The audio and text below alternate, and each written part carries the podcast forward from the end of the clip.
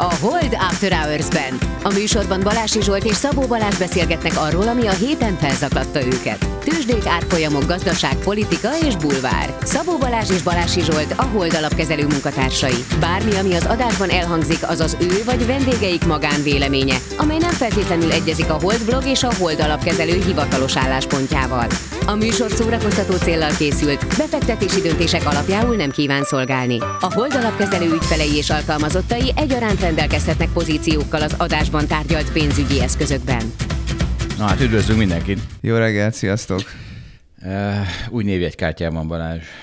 Azt hittem, hogy élőadásba akarod elégetni, kidobni, Igen. hogy ez a lejárt világ, és hát többet az... neked nem lesz névjegykártyát. Azért hoztad, hogy bemutasd, Zsolt? Ne, hát most kaptam meg, tehát nem, amúgy nem hoztam volna, csak most adták ide a marketinges lányok. De azért ez nem a lejárt világ, mert én kidobtam az összes szarságot róla. Tehát ez a pozíció, meg ilyeneket, ez nem... Nekem már nincs névjegykártyám. Néha, néha jó. Nem sok értelme valóban, de, de így van, hogy... Bejelölnek LinkedIn-en.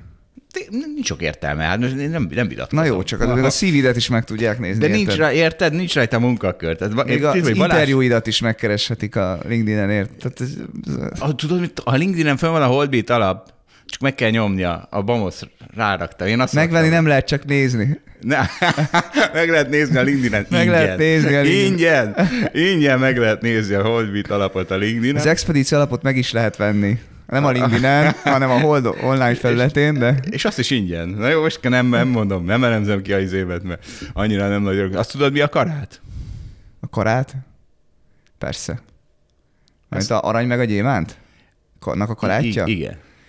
Hát hogy, hát, hogy hány kiló, meg milyen finom, kiló, az, aki gazdag, az kilóba méri, lehet, hogy, lehet, hogy unciába kellett volna. Na igen, maga, Mekkora... nem, a, a karát egy, egy tömegmértékegység, tehát a gram nem tudom hányad része. Ez nekem új volt, én azt hittem. Nincs hogy... benne az, hogy mennyire uh, finom a megműveltsége, vagy hogy kell ezt mondani?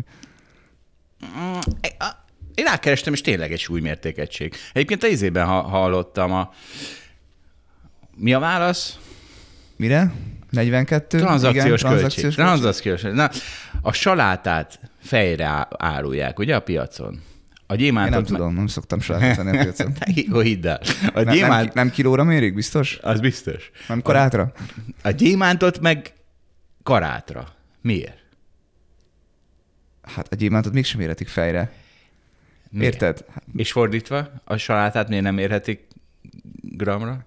Mert túl olcsó, és gondolom így fejre is jó. A válasz tranzakciós költség, érted? Hát hogy... túl olcsó a tranzakciós van, költség. Így van, így van. És Figyelj, hogy, bocsánat, megszakítatlak a tranzakciós költségügyben? Jó, de... Minden mindig erről akarsz beszélni. Nekem, én még amikor egyetemre jártam, az első évben tanultam, lehet, hogy másodikban, tranzakciós költség alapú vállalatelmélet, nekem erről mindig ez ugrik be. És akkor ott az volt a gondolat mögötte, hogy akkor kell egy vállalatban bent lennie egy tevékenységnek, hogyha a tranzakciós költségek azt mutatják, hogy ott olcsó a vállalaton belül, és akkor kell valamit a vállalaton kívül lennie, hogyha a tranzakciós költség. Na de mindegy, úgyhogy ezt... De nem, nem, az egész vállalat a tranzakciós költségről szól. Így van, így van. Az hát egész a... vállalat. Nem, nem, tehát, hogy, de, de vannak mégis... más, van erőforrás alapú vállalatelmélet, meg mindenféle vállalatelmélet van még mikro, mikroökonomiai alapú vállalatemelet is van. Úgyhogy ez csak egy szemlélet a világban, Zsolt. Nem lehet mindent leírni a tranzakciós költséggel, most, csak most kiragadtad ezt a, okay, ezt a szemléletet. Egy, nem én, hanem az itt az egyik a Jélen tanító közgazdász professzor, meg a nem tudom, Nobel-díjas közgazdász professzor, tehát, tehát óvatosan, óvatosan cáfold az elméletemet, de azt, azt mondják, hogy egyszer így elkezdesz gondolkodni, hogy minden tranzakciós költség, akkor... Nem akkor, lehet róla lejönni. Nem, nem lehet, mindenhol meglátod. Tehát miért sikeres ez az igaz, a... igaz, igaz. Így van, miért sikeres az Amazon? Tranzakciós költség. A vevőnek minden költség tranzakciós költség. Érted? Tehát a vevőnek minden költség tranzakciós költség. Ez, a, ez az állítás, és akkor három tét mondott a csávó. Az első a, a triangulation, magyarul a háromszögelés. Tehát az, hogy mi az, hogy egymásra találjon a vevő és az eladó. Ért? Tehát ez egy, ez egy óriási tranzakciós költség, amit megold a piac például. Igen. Megvan. Második a transfer, hogy meg kell tudni azt oldani, mindig kisebb tranzakciós költséggel, hogy az áru átkerüljön hozzád, ő, te hozzád meg a fizetés. Ez a transferálása az értékeknek, ez a második T, és a harmadik a trust. Tehát a, annak is óriási tranzakciós költsége van, hogy tud, hogy megbízhatsz a másikba, hogy nem szartatsz nekem, te pedig megbízol bennem, hogy aztán majd mit tudom én, betartom a szerződést, stb. És, és, és ez... tudod, hogy a közgazdaságtan az onnan indít, hogy mikroökonomiából vezeti le, és ott nincs tranzakciós költség. Tehát először egy csomó olyan fel, feltétel van, ami, ami így kifehéríti, meg, ki, meg leegyszerűsít mindent, és akkor aztán vezeted be a feltételeket, és úgy lesz bonyolultabb az élet. Mi most akkor a bonyolult, a bonyolult verziónál tartunk, és akkor na, és akkor gyémánt helyett, mert a, mert a gyémánt, ugye a gyémánt is ez volt a válasz, ö, van OVK, de és most már euróban, meg dollárban. Érted? Ne gyémántba tartsa senki. Ja, hogy ez egy ilyen marketing felvezetés ez, volt ez, ez egy úgy, zseniális. Bocsánat, hogy Igen, akkor erősítsük meg, hogy elindult az online vagyonkezelésünkben az eurós és a dolláros lehetőség is. Megtaláltuk egymást, ugye ez az első. Mindkettőnk nagy szerencséje, ez a, ez a triangulation. Mit te meg én? Nem, a, aki vesz OVK-t, meg aki eladja az ja, OVK-t. Ez tök nehéz, mert a szegény csávók eddig maguknak kezelgették a pénzüket, és állnak 40% bukóban, és most át lehet menni az OVK-ba. Ahol... És rengeteg tranzakciós költséget fizettek. Ne, nem, Ö, hát megspórolnak. és konkrét módon is. De megspórolnak, hát nem kell nekik hát most már, nézni. most már. Igen, ja, eddig Tehát fizettek. felhívjuk a kedves potenciális ügyfelénk figyelmét, hogy mindenképpen figyeljenek arra, hogy csökkentsék a tranzakciós költségeket. Így van transfer, forintban is lehet utalni, tehát hiába eurós meg dolláros, az bonyolult, rengeteg tranzakciós költsége van, ha az ember az eurós OVK-ba akar utalni, és előbb ő maga átváltja euróra a forintját, és azt utalja, ehelyett egyszerűbb, ha nekünk forintba utalja, és mi váltjuk át, mi nem keresünk a váltáson. Alacsonyak a tranzakciós Az költségeink. A tranzakciós költségeink. sokan vagyunk, nagy, sok pénzt váltunk át egyszerre. És a trust, őszinték vagyunk és okosak, tessék, itt ez a podcastből kiderül. Kell valamilyen kérdésre válaszolnunk egyébként? Egy, egyre fogunk válaszolni. A eurós OVK, meg dolláros OVK kapcsán? Igen, egyre, egyre akarok válaszolni, de mindenki nyugodjon meg, tehát lesz rosszabb. Majd a Covid-ról beszélgetünk, az rosszabb téma lesz, mint ez az OVK reklám. Na figyelj, az a miben van a pénzem? Tehát, hogy mi a különbség egy forintos OVK portfólió, egy eurós OVK, meg egy dolláros portfólió. És, és én elmondom az egyszoros választ, hogy semmi, és most Balázs belegött, hogy de nem is semmi, mert izé, de valójában semmi. Na mondjad. Hát nem semmi, mert Na. két, két, hát, hát tényleg nem sem. Na mondjad. De definíciószerűen nincs igazad, rossz, félrevezeted a hallgatókat. De, ne, de, de nagyon jó helyre tettem őket, tehát a, a, mert ugye a sem, a, valójában a semmi megfogja a lényegét, hogy semmi. Mert Mögöttes ugyan... kötvényekben és mögöttes részvényekben semmi. És igazából Viszont, őket ez érdekli, igen? Nem, hát nem azért érdekli, az érdekli, hogy aki euróban fektet be, vagy aki dollárban fektet be, az ha visszautalok itt a kettővel ezelőtti Japánban sielünk adásunkra Móricz Daniel, amikor beszéltem a, a devizákról, hogy én szerintem hogy érdemes erről gondolkodni. És ez a, az online vagyonkezelésben a különböző devizanemek is ezt jól lefedik, hogy aki euróban ö, nyit OVK-t, eurós OVK-ja van, az úgy kell, hogy gondolkodjon, hogy ő az eurós inflációt szeretné megverni, hogy ő a eurós ingatlanban szeretné megőrizni a, a vagyonát, és annál jobb teljesítményt elérni. Ő, amikor importterméket vesz euróban, akár Magyarországon, akkor ő ebben gondolkodik. Tehát, hogy, Tehát, hogy ne váltsa vissza forintra mindig, ne azon izguljon, hogy mi, ekközben az euró forintba hogy áll. Ugye? Igen, igen, hiszen mi az eurós OVK-val és nyilván a dolláros OVK-val is ugye azt vállaljuk, hogy az adott devizanemben akarunk jó hozamot csinálni. Tehát most mondok valamit, hogyha euróban az infláció jövőre 3% lesz, és ö, egyébként mi csinálunk, most mondok valamit 6%-ot, akkor tudja mérni, hogy mi 3%-kal teljesítettünk jobban, mint az eurós infláció. De ha közben a forint nem 385 lesz, mint a mai nap, hanem 300 forint, akkor mondhatná azt, hogy ó, hát elrontotta, milyen jó lett volna Forintban. az egészet forintban tartani. Így van, így van, persze, akkor jó lett volna. De hogy ezt ha gyengül mondom, a forint, akkor meg rosszabb. Ha gyengül, tehát, meg rosszabb. De ezt el kell felejteni. Hát igen, mert azt gondolom, hogy ez egy hosszú távú szemléletnek kell lennie, úgyhogy aki nem hallgatta meg azt adást, javasoljuk amúgy is nagyon szakmai, és beszélgetünk ilyen dolgokról is, tehát hogy én szerintem, szerintem így kell erről gondolkodni, és mi is így gondolkodunk, mert, mert azt reméljük, hogy így értéket teremtünk a, az ügyfeleknek, úgyhogy utána ne nézegesse senki a napról napra, hogy forintba jobb lett volna, vagy euróba, vagy dollárba lett volna jobb, és dollárban meg a, meg a dollárban kell jól teljesítenünk. Tehát, hogy ott, ott megint vannak más benchmarkok, hogy ott a alapkamat nem 4% hanem 5% dolláros infláció más, mint az eurós infláció, tehát ez megint egy másik világ. És visszatérve arra, hogy semmi, tehát tényleg ugyanazok, tehát ugye a oldalapkezelő mivel foglalkozik, olcsó részvényeket keres az egész világban. Ezek köz lesz amerikai, nyugat-európai, kelet-európai, magyar, ázsiai, és ezek mind más devizában vannak, és mégis mindet összehozzuk egy devizára mindig valahogy, általában forintos alapokba, itt most eurósba. Igazából tök mindegy, mert az, a, az lesz a különbség, egyiket forintra fedezzük, a másikat euróra, vagy épp nem fedezzük, már nagyon vicces, tehát most például az eurósban lesz forint short, és miért? Mert azt hiszük, hogy a forint üvölt, hogy gyengülnie kell. Hogy De most te, most te áttértél a hosszú távra, rövid távra, tehát a forintnak gyengülnie kell, az a te rövid távú szemléleted. Csak az, a, ez most a portfólió része, egy eurós portfólió része az, hogy sortolja a forintot. Igazából a forintos portfólió része is nagyon vicces. Igen, ugye itt most bonyolítod a dolgokat. Most bonyolítod. de nem most baj, ez tessék, már, ez, ez már... már nem baj, akkor beszéljünk ilyen bonyolultan. Tehát, hogy attól, mert azt mondjuk, hogy mi vagy dollárban, vagy euróban, vagy forintban akarunk jó hozamot csinálni, az nem azt jelenti, hogy ezen belül, tehát most mondok valamit, hogy mondjuk a dollároson, mi dollárban akarunk jó hozamot csinálni, de azt gondoljuk, hogy úgy tudunk dollárban jó hozamot csinálni, hogy mi eurós részvényt veszünk, akkor az nem azt jelenti, hogy mi csak dolláros részvényt vettünk És nem fedezzük a dolláros át portfólióba. Azt mi eldöntjük, hogy fedezzük vagy nem fedezzük az adott pozíciót. Igen, igen. Tehát, hogy de a végeredményt kell szerintem nézni. Most tényleg, ha nagyon belemegyünk a technikába, az a. Tehát hallgatóknak a 97%-át talán nem is érdekli. Hmm. Tehát ha dollárba teszi, akkor mi dollárban akarunk józanot csinálni. Az már a mi dolgunk, hogy közben lehet, hogy abban lesz egy eurós részvény, mert azt gondoljuk, hogy dollárban is az eurós részvényhoz jót.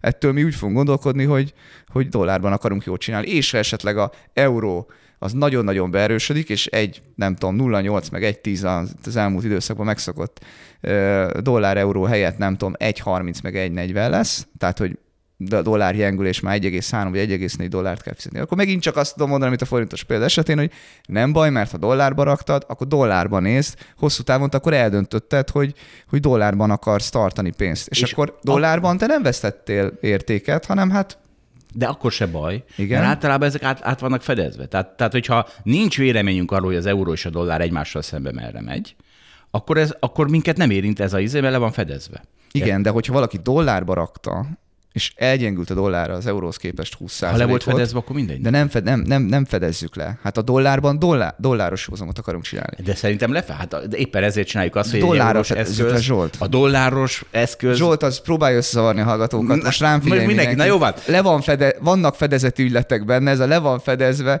Az a kockázat, hogyha dollárosban vagy, hogy egyébként elgyengül a dollár az euróhoz képest, az ellen nem vagy lefedezve, hiszen dollárban akarsz józamot csinálni. De azt mondom, hogy ez egy hosszú távú Hát, döntés, hagyjuk. és ez az utolsó Erre mondtam ö, azt, igen. jól súlykolt üzenetem még egyszer, hogy, hogy utána nem szabad rövid távú trading szemléletbe Igen. A másik meg, hogy mindegy, mibe utal be az ember, forintba is beutalhatja a dollárosba, nyugodtan. És Mert majd mi átváltjuk mert akkor, majd mi átváltjuk. És, és na erre mondtam a 9, tehát azt mondtad, 97%-ot nem érdekel, mert majd a Covid se érdekli, és még Nem, még, még láttam egy kommentet, hogy aki azt kérdezte meg, hogy, hogy egyébként ez Ausztriában van ez a pénz, vagy külföldön van ez a pénz. Nem, tehát hogy jogilag ezek a, ezek a dolláros és eurós portfóliók is egyébként Magyarországon vannak. Van valóban a Holdnak olyan szolgáltatása, hogy a pénz Máltán van, vagy Ausztriában van, de az a privát vagyonkezelésnek a része, az online vagyonkezelésnek ez nem része. Online vagyonkezelésbe kevés pénzzel is be lehet szállni, a privát vagyonkezelésbe csak kurva sok pénzzel lehet beszállni. 120 millióval, igen. 120 millió, mondjuk az kurva sok, nem? De, de az nagyon sok. Na, oké. Na, tessék, itt van, ahol nincs trust.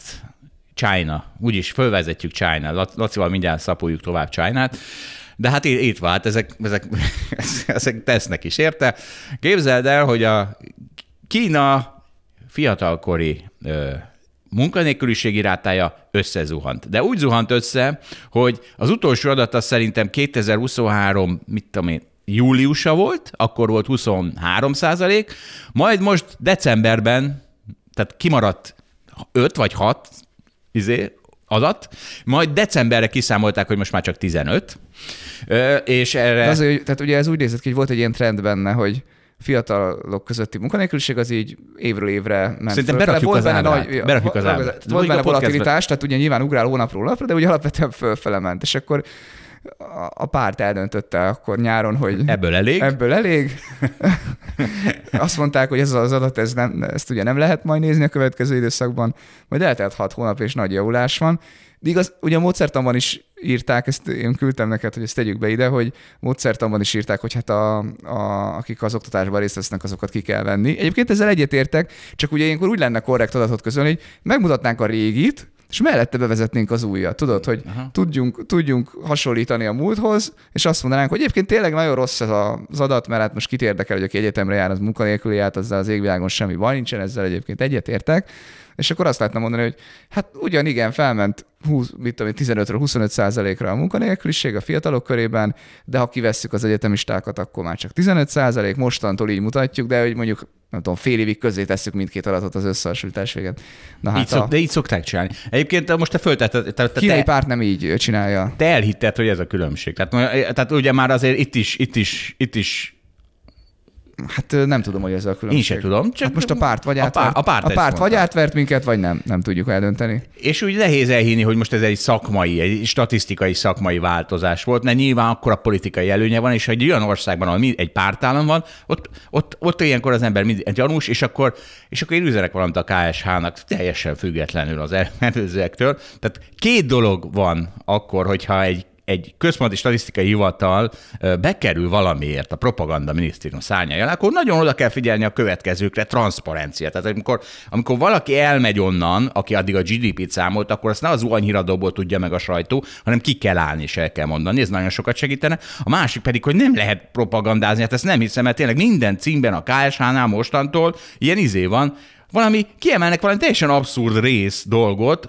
mint óriási pozitívum. Tehát, na, nem láttam ezt. Nem láttad még ezt? Nem? Hogy nem tudjak, amikor KSH jelentés az úgy indul mondjuk, hogy... Jön valami, most nem, most, nem, most nem jut eszembe a konkrétum, hanem jön valami, mit a GDP adat, és akkor azt mondják, hogy, és akkor nem az van, hogy mit a GDP adat szar Kattintásvadász lett a KSH, azt mondod. Hát jó, de mindig valahogy valami politikai pozitívan kattintás, tehát, nem negatívan. Hát igen, mert a, igazából kedves KSH a negatív a kattintásvadász. Tehát ha az lenne a címe, hogy összeomlott a magyar gazdaság minden izének, na arra többen kattintanának. De valahogy nem az van.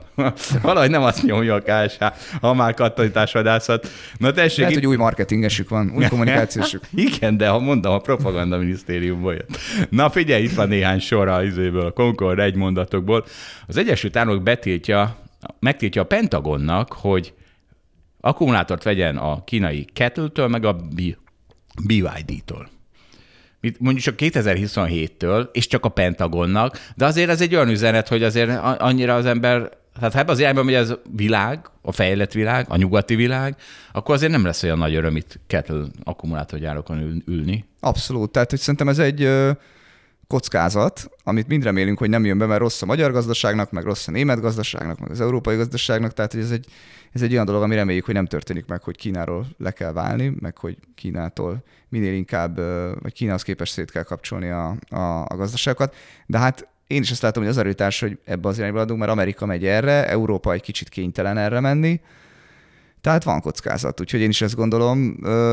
Szerintem a magyar gazdaságpolitika ezzel a kockázattal nem foglalkozik, vagy ezt nem kezeli, hiszen akkor nem kínai akkumulátorgyárakat hívtak volna ide nagy elánnal. Ugye itt is a mérték számít, tehát hogyha mi azt gondoljuk, hogy ez a iparunknak egy nagy hányadát teszi ki, és egyszer csak Kína ellenséges ország lesz, akkor, akkor ez egy kockázat tényleg jó lenne, ha ez nem valósulna meg, mert akkor, akkor amúgy is minden rossz lesz azon kívül.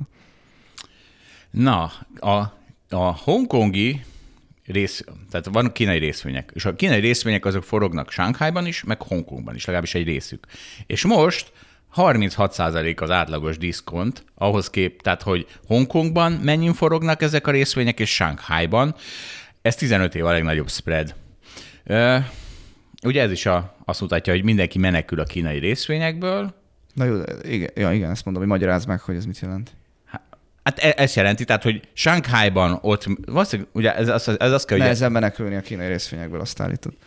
Hát meg Shanghai-ban ugye ott, ott eddig se a izék, a külföldiek kereskedtek annyira, gondolom uh-huh. én.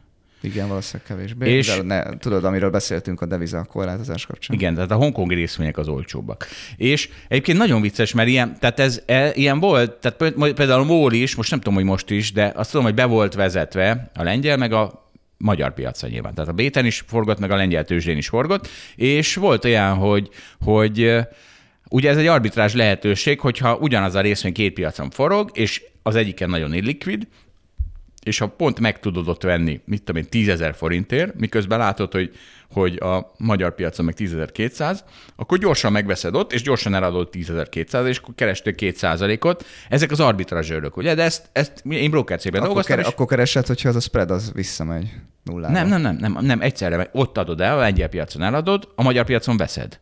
Nem, nem kell visszamennie semmit. Tehát ott azon e- eladtad 10.200 Ja, igazad van. és Ja, mert ugyanazt a papírt tudod? Ugyanazt a akkor A kell be van vezetve mind a jó, két jó, jó, oké. És, és csak az, a, az volt ezzel a baj, mert ugye ez az arbitra, ez nem egy szemétség, ez, ez az arbitrazsőr feladata, hogy ki a piaci anom- anomáliákat minél gyorsabban ki, kiegyenlítse. És az volt a gond, hogy ez egy nehéz tranzakció administratíve. Mert az van, hogy az egyik piacon vetted meg, a má... tehát hogy érted, a számlát, tehát kurva sok papírmunka. Bepipulta a broker cég, és fölkúrta az izéket, a minimumdíjakat Bro- rohadt magasra, hogy mi nem csinálunk papírmunkát csak 30 ezer forintért, vagy 50 ezer forintért, és hirtelen arbitrazsőrök, arbitrazsőrök izé, és miért? Tranzakciós költség. Jaj, Balázs, jó. Végre rá tudom vágni helyesen. Na, ez a, ez a, izé, ez a piac dolga, hogy tranzakciós költségeket csökkentse. Na és még És a egy, hol dolga is, a mi dolgunk is. mi dolgunk is. És még egy, megint előjött ezt, tudod, hogy mi a buborék. Mi a buborék? Figyelj, készültem az adásra, sajnos láttam a választ. Hát de ezt, ezt már sokszor A buborék az az emelkedés, amiben én nem vagyok benne. Így van. És ki kéne találni, hogy mi van, az az esés, amiben nem vagyok benne sorttal. Ennek mi a neve? És mert ugye Kína ez, ez most Lacival majd erről beszélünk, meg talán az előzőben is beszéltünk, hogy mennyire idegesítő, hogy, hogy 15 éve károgunk, hogy mindjárt összezuhan Kína, és most összezuhan Kína, és nem vagyok benne sorttal. És na erre is találtam egy kifejezést, az úgy néz ki, hogy a kurva életbe. Na, jöhet Laci. Ezt így Jöhet hívjuk. Laci. jöhet Laci. Na, tehát arra menjünk, hogy mit jelent ez a világnak. Tehát tegyük fel, hogy Kína lassulni fog, mit jelent ez a világnak. Szerintem erről is. Ugye egy szoktad mondani, nekem kell elmondanom a már nagyon kritikádat. lassul, ugye hát 7% növekedés volt, most már 200, tehát Nem, Kína hát nagyon. az, most na, azért nem jó most nézni, mert hogy tudod, mikor zárták le a Jó, Covid miatt. A, tehát jó. Kínában ez még mindig bekavar, mert a Laci mondott, hogy öt későn jött ki a probléma. Tehát, hogy szerintem az, hogy jövőre már nagyjából tiszta képet látunk, de még most sem, amikor tudod, ilyen hónapról hónapra nézed, hogy akkor most tavalyi ilyenkor, akkor meg kell nézni, hogy mennyi Jó. lezárás volt. Tehát Igen, szerintem nincs értelme. Tehát a, azt kell nézni, hogy 7 volt, most 5 lesz, most bemegy 5 alá, de az a kérdés, hogy egyszer csak kettő lesz mondjuk, ez a jó vita, de hogy tegyük fel, hogy lassú Kína, ö, mit jelent ez a világnak? Mert erre szoktad mondani, hogy ez csak ilyen ö, intellektuális élvezetből ö, csináljuk azt, hogy erről beszélgettünk, mert egyrészt pénzt nehéz rajta keresni, amivel egyébként alapvetően egyetértek, tehát hogy ha most találnánk egy nagyon olcsó most céget, nem tudom, itt Ausztriába a hármas péperen, az sokkal jobban izgatna intellektuálisan pénzkeresés szempontjából, mint a, mint a kínaiak, mert azt gondolom, hogy ez, azzal jobban lehet pénzt keresni. Ezzel így egyetértek, ettől még egy csomó nem, jól, nem olyan könnyen megfogható dolgon keresztül, de van értelme Kínának. Tehát, hogy mondjuk aki a nyersanyagpiacon van, én egyáltalán nem vagyok, mondjuk aki a részpiacát nézi, az folyamatosan azt kell, hogy nézni, hogy most a megújuló beruházások hogyan aránylanak a kínai ingatlanipari, bocsánat, építőipari lassuláshoz. Tehát ezért van egy csomó pont, ahol, ahol Kína számít. Tehát nem igaz, hogy csak intellektuális élvezetben hát, vitatkozunk. de hát figyelj, mond, konkrét, szerintem legyünk így konkrétak. Tehát, tehát ugye beszéltünk arról, hogy most konkrétan egyébként most defláció van. Tehát mind a termelői árindex, mind a fogyasztói árindex az mínusz volt 2023-ban, és nem látszik, hogy ez nagyon-nagyon megfordulna. Nyilván gazdaságpolitikai beavatkozás nélkül. Tehát, mint egy hatalmas, mint a világ legnagyobb exportőre, Kína deflációt exportál. Pontosan látjuk ezt egyébként az elektromos autóknak a piacán. Tehát most ugye elkezdtek az európai piacra behozni egy csomó olcsó Kínába gyártott autót, Nyilván szeptember óta olyan dömpingvár, dömping eljárás eh, folyik a kínai autókkal szemben. Nyilván le fogják zárni, vagy nagyon erősen korlátozni fogják a kínai autók előtt az európai piacot, részben egyébként politikai, részben jó felfogott piac eh, védelmi okokból. Tehát például eh, a fejlődő piacok, amik a növekedést hoznánk, azok, azok, azok nagyon össze vannak nőve Kínával. Tehát mondjuk az amerikai gazdaságot, hogy most éppen Kína mit csinál, nem érinti annyira erősen, de a fejlődő piacok, az, tehát úgy néz ki a világ növekedése mondjuk az elmúlt tíz évben, és ebben persze voltak kisebb-nagyobb fluktuációk, mondjuk a 30%-át Kína csinálta, és mondjuk nem tudom, a 40%-át a fejlődő piacok csinálták, és a fejlett piac szerintem maximum 30-at, talán kijön a 100 durván, kicsit fölfele lefele kerekítve. Na most azt mondja, hogy ez a Kína gyengesége, az önmagában ugye azon a 30%-on keresztül hat, az áttételes hatásokon a fejlődő akik ugye hozzátettek még 40-et, megint hat, ráadásul ott van a deflációs export, tehát én azt gondolom, hogy egy lassuló tehát, hogy egyértelműen megfogható lassulást fog jelenteni a kínai lassulás a világra. És ugye nem olyan nagy a kínai gazdaságnak a szerepe, tehát mondjuk Amerikának van egy 28 trilliós gazdasága, a Kínának van 18 trilliós gazdasága, de ugye mivel sokkal gyorsabban növekedett, mint az USA, ezért a gazdasági növekedésben Kínának jóval nagyobb volt a szerepe, mint az USA-nak, annak ellenére, hogy egy kisebb gazdaság. Igen, tehát Laci ugye a növekedésen belül arányról beszélt, és nem a teljes szerepről. Igen. Ezt hallgatom, hogy mondani, tehát hogy ez egy másik szám. Csak kösz, kösz hogy megemlítettem, mert ugye most mi növekedésről, meg GDP növekedésről beszélünk, tehát én azt látom, hogy, hogy, hogy, hogy ez erőteljesen fogja befolyásolni a jövőbeli növekedést. Éppen ezért egyébként, és hogy a portfóliós beszélgetésre utalok, én egy kicsit annak hogy nem vagyok egy nagyon részletes makroelemző, de csak ilyen top-down oldalról én azt gondolom, hogy a magyar gazdaságnak a külső környezete is egy kicsit kedvezőtlenebb lesz, mint egy jelentős exportor országnak. Tehát én például egy alacsonyabb növekedést várok, mint a, mint a, mint a kormány, de éppen a külső környezet megváltozása miatt, aminek a magja valamennyire ott távolra, ott, ott, ott Kínában. Csak várjunk egy kicsit, mert ugye ez a kínai, növek, tehát a kínai növekedésnek az a része, ami a deglobalizáció miatt veszik el, az nem vesz el, mert akkor, mert akkor az fog történni, hogy a, a a csipek, nem, nem tudom mit, mondjuk az elektromos autókat nem veszünk meg Kínából, akkor azt majd legyártják az Egyesült Államokban, vagy tehát hogy az nem vészel az a, a tehát értitek, tehát a, GD, a kínai Jó, GDP óriási problémák Igen, lesznek, igen, tehát nem egy az egyben, egy, része, egy az egyben nem veszik el. Kire, igen. Bocs, bocs, nagyon jó a felvetésed, Zsolt, de mégis vitatkoznék veled, mert uh, itt ugye a GDP növekedésnek a korlátai nem a gyártási oldalon voltak, hanem a felhasználási oldalon. Tehát uh, persze, amit felhasználunk, azt le is gyártják, de hogyha a kínaiak kevesebb, tehát Nyugat-Európában most itt tudod, öt éves átlagban nem fogunk több autót venni.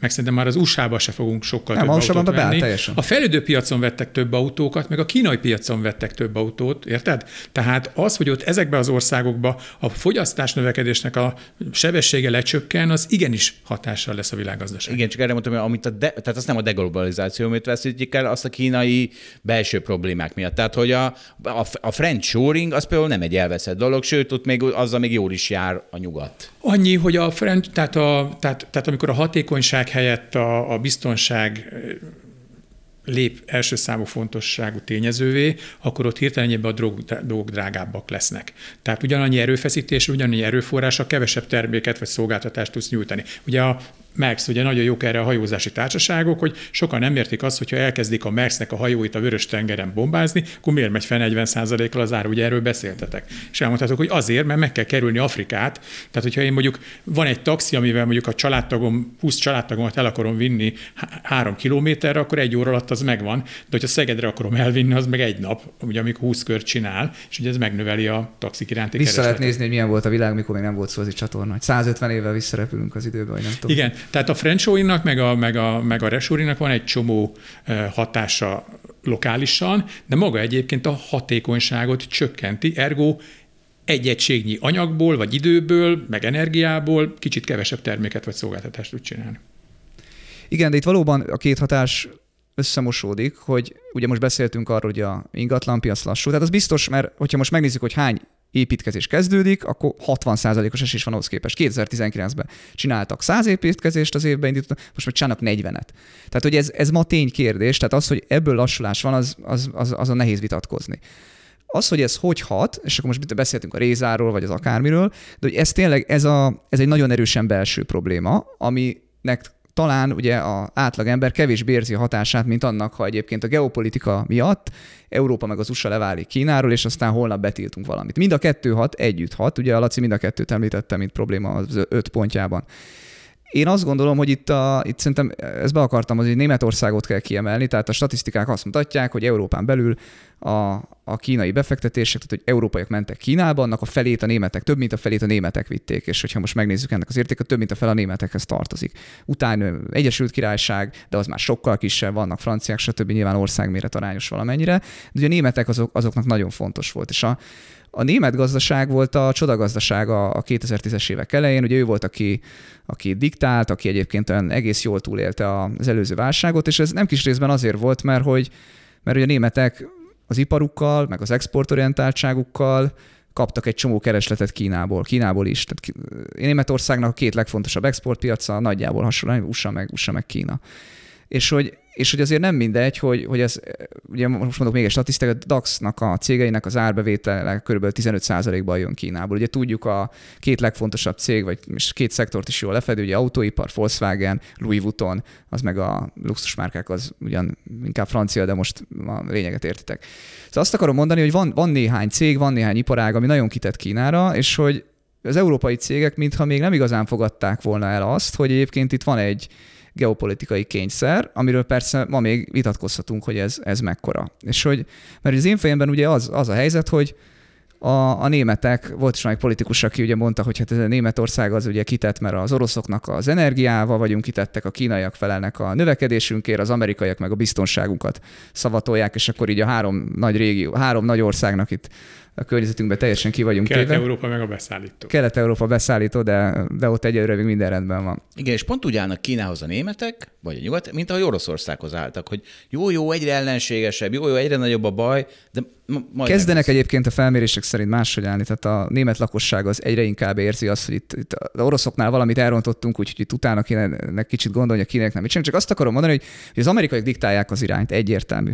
Trump, Trump a, a kereskedelmi háborúval húzott egy nagyon éles határt, de azóta az irány egyértelmű, hogy high-tech dolgokban nem adunk Kínának tudást, illetve minden, mi szinte minden piacon figyelünk, hogy elkerüljük a függőséget. Tehát van egy ilyen, hogy meg kell nézni gyakorlatilag, hogy ez most gumikacsa, és akkor gumikacsában nem leszünk függők, de lehet vásárolni, meg kereskedni Kínával, szuperfejlett chip, hát az, az, az, az meg, azzal meg nem annyira akarunk semmit tenni, ott, ott meg két külön világ épüljön, mert nem akarjuk átadni a kínaiaknak a tudást. És akkor itt van Európa, ami, ami én azt gondolom, hogy főleg azért, mert nincs neki saját védelme, ezért, ezért kénytelen valahol az usa követni, még akkor is, hogyha a rövid távú érdekei nem ezt szolgálják, mert hogy egyébként rövid távú majd a Volkswagen azt fogja mondani, hogy hát én nem akarok leválni Kínáról, nagyon nagyon a profitomnak a 30-40 százaléka. És akkor itt van egy törés, hogy hogy egyébként mit gondolnak a befektetők. Szerintem ez nagyon érdekes, mert mondtam ugye az elején, hogy, hogy az amerikai befektetők a kínai indexekből már kapituláltak. Tehát, hogy ott már van egy olyan, hogy ott már elfogadták. Tehát van olyan tömeg, aki nyugaton már elfogadta, hogy Kínáról le fogunk válni.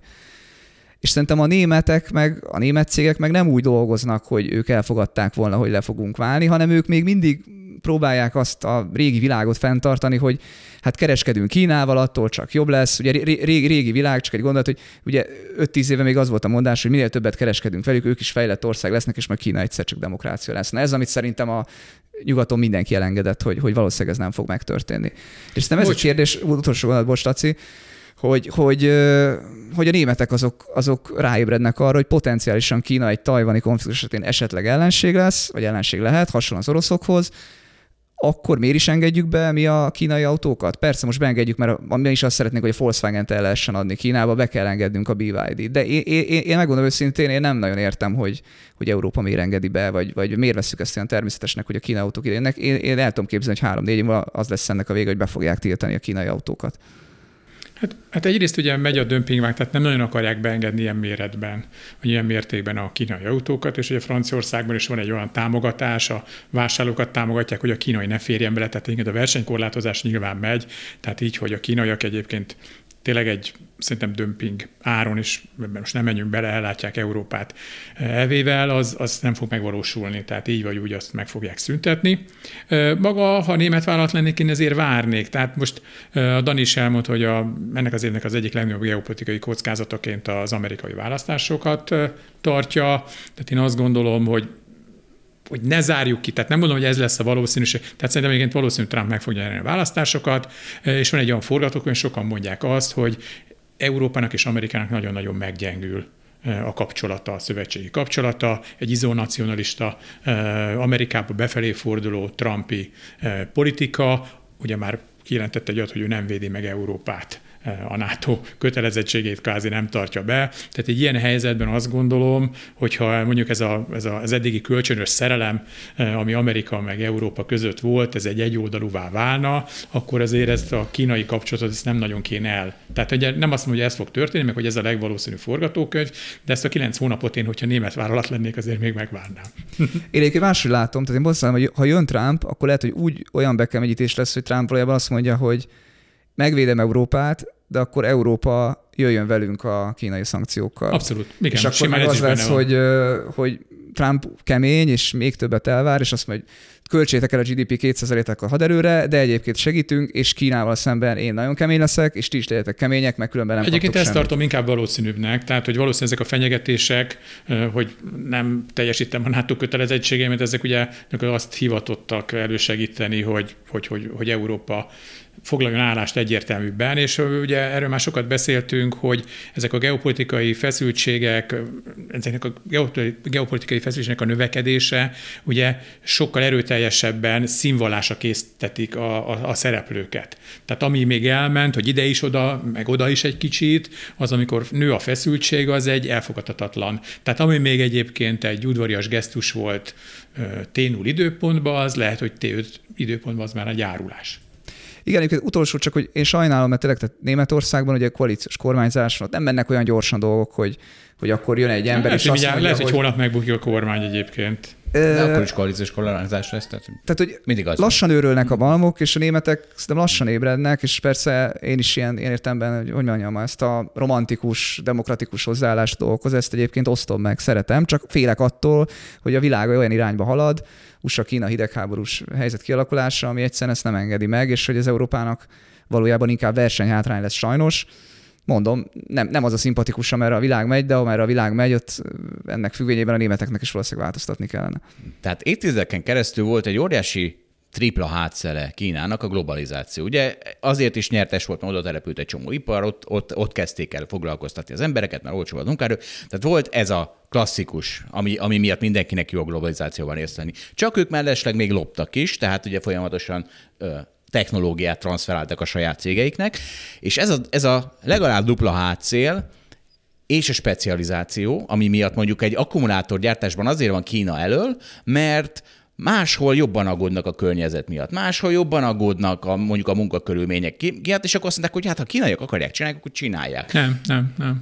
De várj, jó, később elemeltünk, de tehát volt egy, az a globális egy óriási HC volt a Kínának, és ez most fordulni látszik, emiatt, a, a, amikről eddig beszéltünk. És van még egy, még egy ilyen eddig hátszél volt, és most kezd szembeszélni, amiről még nem beszéltünk, nem tudom, fogunk egy, most megemlítem, az a demográfia, ugye Kína eddig egy folyamatosan növekvő, a világ egyre nagyobb országa volt, és ez megfordult. Már a munkaerőpiac már csökken, a munkaképes lakosság az már csökken, de hamarosan elkezd csökkenésnek indulni a teljes lakosság. Tehát, hogy ezek a eddigi nagy hátszelek, ezek mind elkezdenek szembeszélé váltani, ezért is gondoljuk azt, hogy baj van. Hát gyakorlatilag ugye a felsorolt triggerek egyike volt, amiről beszéltél.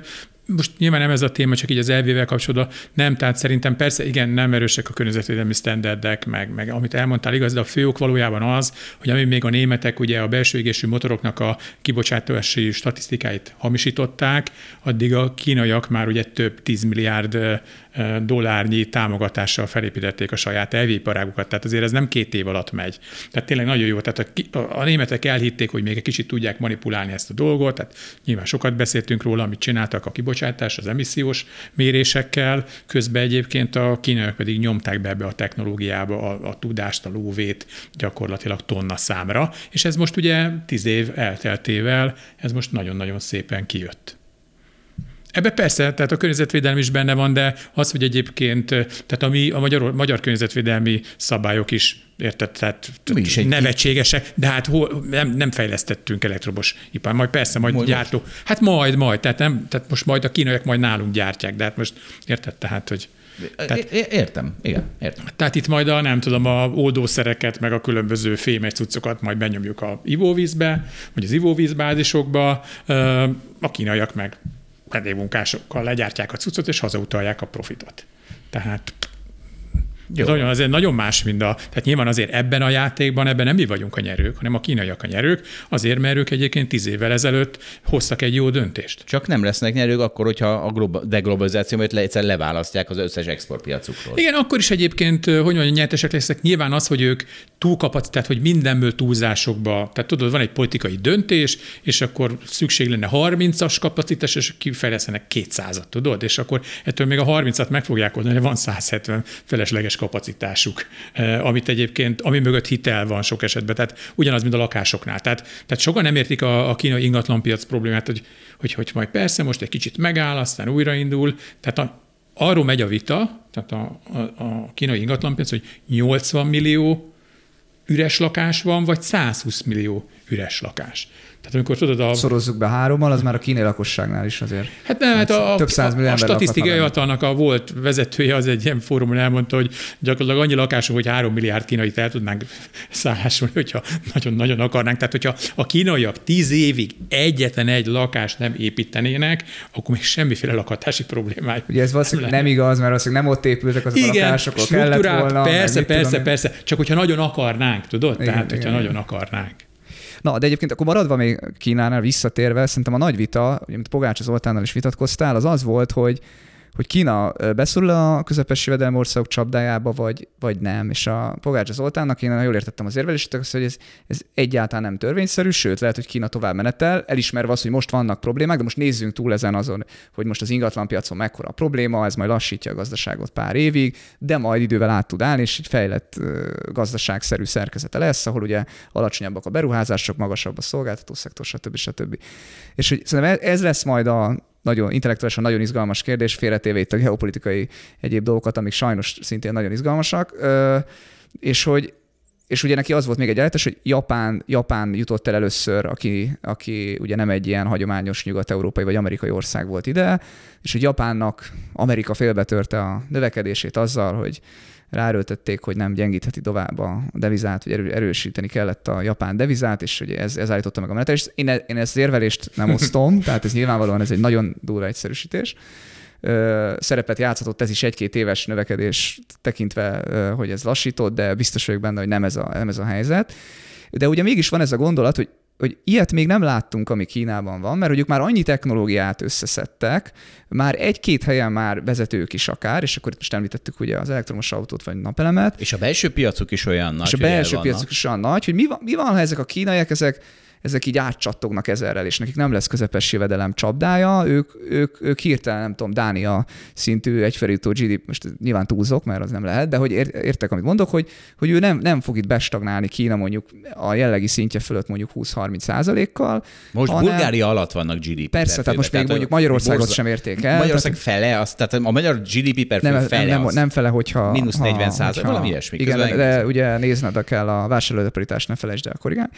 Tehát, hogy így van, így van, tehát mondjuk Kína biztosan el tud jutni, mondjuk ahol most Magyarország tart, és az a kérdés, hogy, hogy hogy lehet Dániának lenni, vagy hogy lehet az Egyesült Államoknak lenni, vagy Németországnak lenni, és hogy az a kérdés, hogy, hogy az az ugrás az, az, az valamit tényleg nagyon jól csinál Kína, és, és gyorsan megugorható, vagy egyébként ugyanúgy be fog stagnálni, mint bárki más. Szerintem ez még egy, egy intellektuálisan izgalmas vita. Erre már tényleg mondhatod Zsolt, hogy ez már csak az ízért csináljuk, és ez már lekereskedni nem fogjuk tudni a következő öt évben, és ez így is van. De, De hogy erre... szerintem e- e- ez egy nagyon fontos kérdés, és Nyilván nem tudjuk a választ. De, nem, de erre, erre mutat az rá, hogy eddig óriási hátszelek voltak, és eljutottak ide, néhány technológiában odaértek a csúcsra, de Tajvan is elért a csúcsra néhány technológiában. Mégse gondoljuk azt, hogy akkor mostantól a világgazdaság Tajvan körül fog forogni, mert ott van a, a, a top, top, top. Tehát, vagy délkora, végül, ugye Japán, délkora, Tajvan, tehát ugye igen, a fejlesztő államok. A fejlesztő államok.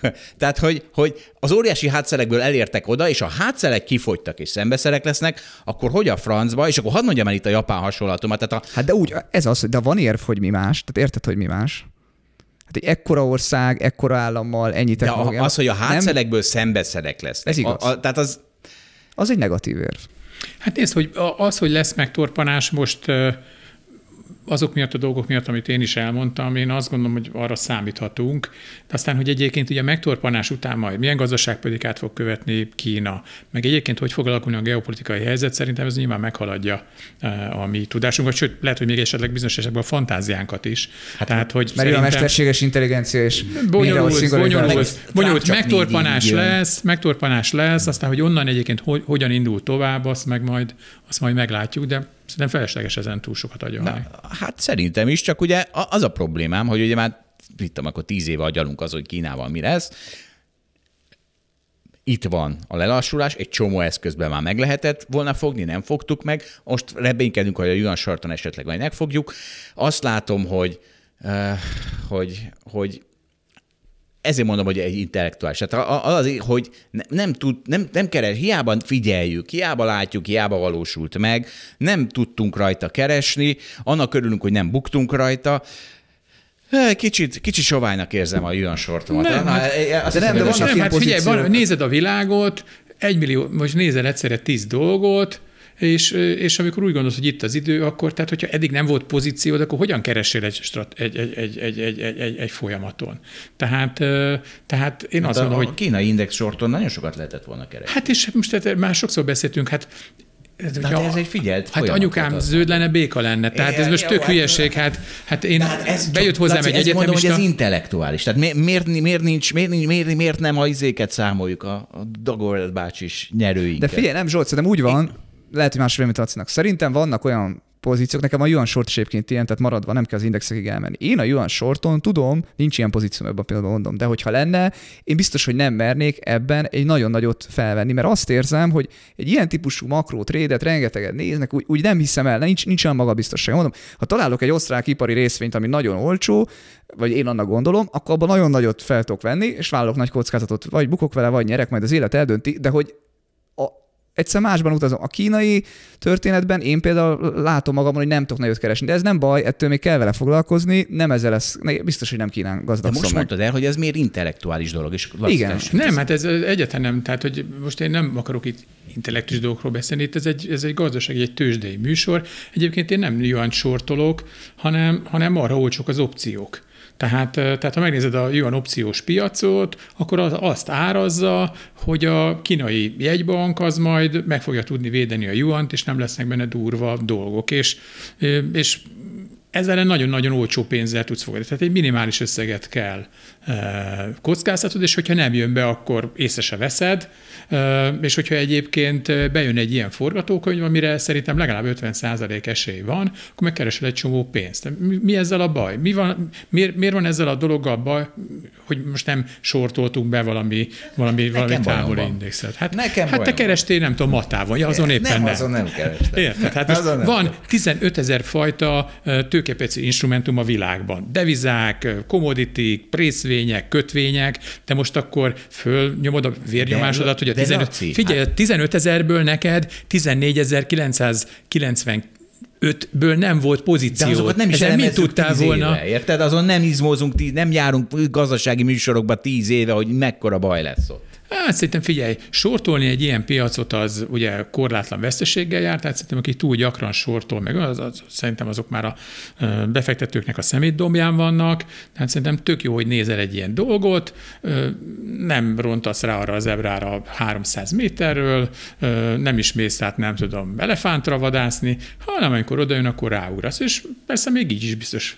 így is lehet, hogy egyébként el fogod téveszteni. Most mi ezzel a probléma? Tehát én nem érzek semmi stresszt a rendszerben. Mondok, mondok még egy jelt, hogy baj van Kínában, hogy visszafogták ezt a nemzetközi agressziót. Tehát amikor most már úgy nem mondogatnak oda annyira Amerikának, érzik ők is, hogy belül kurva nagy bajok vannak, és most akkor nem most akarnak összeugrani, akár a, ott a, a, a, a, a dél-ázsiai tengereken, akár Tájvánnál kapcsolatban. Tehát, hogy én valahogy egy ilyen tompulást érzek a két-három évvel ezelőtti Kínákhoz képest, amikor még verték a mellüket a Covid miatt. Szóval még egy jel. Hát figyelj, remélem, hogy igazad van. Tehát ugye az a probléma, vagy legalábbis számomra, de nyilván ez egy nagyon távoli dolog, hogy azért a kínai pártnak a, a hogy mondjam, a azt, hogy a társad, ugye ott nincsenek választások, ott gyakorlatilag a legitimációja az egy ilyen, hogy most egy ilyen kínai kommunizmust építünk, de valójában a legitimációja az a 25 éve vagy 30 éve tapasztalt növekedés és gazdagodás. Tehát a kínai állampolgárok azt mondják, hogy hát Persze, Kína, ezért hát nem tudom, volt egy tök jó ábra, vagy a, talán a Bloombergen, hogy éppen a Xi Jinping bejelentett valamit, egy ilyen kocsmahatod, és mindenki eszik, marhára nem figyel oda senki. Tehát eh, pragmatisták a, a, a, a, kínaiak, és amíg egyébként így jól megy nekik, meg gazdagodnak, addig így elnézik ezeket a korlátozásokat, meg ezeket a sokak által hülyeségnek tartott dolgokat. Ez a legitimáció. És ugye nyilván ezért kell mindent megpróbálnia a kínai kommunista pártnak, hogy, hogy ez a bicikli menjen, ugye, mint Che Guevara, meg a forradalom olyan, mint a bicikli, hogy tekerni kell, mert ha ez megáll, akkor ebből marha nagy botrány lesz, mert azt fogják mondani, hogy te figyelj, te miért ugatsz nekem? Te hogy kerülsz oda? Tudod? Tehát ezt meg fogják kérdezni. Ezért a növekedés kell, és hogyha nincs növekedés, akkor kell más. És hogyha megnézitek azt, hogy Oroszország, amikor szembesült az, hogy nem tudja a gazdaságát át állítani egy, egy, egy, egy modern gazdaságra, akkor először nem tudom, akkor Grúziával szórakozott, utána a Krimet foglalt el, utána meg Ukrajnát. Tehát én egyébként nekem meggyőződésem, hogy ez nyilván nem egy olyan egyszerű dolog, de amikor jönnek a belföldi nagy gazdasági problémák, akkor ugye ezt a legitimációt, ezt hogy az emberek egyéb hűítésével lehet elérni, és nagyon sok ország egyébként akkor ezt egy ilyen külső agresszióra való, hogy mondjam, hajlammal próbálja ellensúlyozni, vagy elérni. Mm, tehát én, én, én azért ettől a dologtól félek, és remélem, hogy tök rosszul látom, és hogy, ez, hogy, ez, hogy ettől nem kell félni. Én, én a Zsoltot, Zsolt véleményét osztom itt inkább, hogy azt, vagy hát lehet én is csak reménykedem, de most úgy látom tényleg, hogy a Kína gyengesége talán egy kicsit elodázza ezt a konfliktust. Én is én félek attól nyilván, amit a Laci leírt, Laci is fél tőle, mindannyian félünk. Hát az, nyilván ezt nem kell magyarázni, mert a csapból is ez folyik, de ha ott a tajvani konfliktus az, az sokkal, sokkal nagyobbat szól, mint, mint bármi más. És nem csak a csípgyártás miatt, hanem tényleg most át lehetne nézni, hogy hány darab hajó megy el abba a szorosba a világgazdaságnak, hány százaléka, mit jelentene ez egy kínai-amerikai teljes szétválás, egy, egy, egy európai szankciós túl. Tehát ez, én, én én nem gondolom azt, hogy most nyilván az első lépés az rögtön egy ilyen agresszió lenne, hanem, egy, hanem, hanem, hanem a háborús hangulatnak a, a, a, a szítása, tehát amivel ugye tudom a gazdasági problémákat ellensúlyozni. Hát azért látjuk azért így, így mondjuk Európában is vannak olyan országok, amik a gazdasági probléma esetén, akkor mindig jön az ellenségkeresés különböző. Tehát ismerjük szerintem ezt a jelenséget. Ismerjük.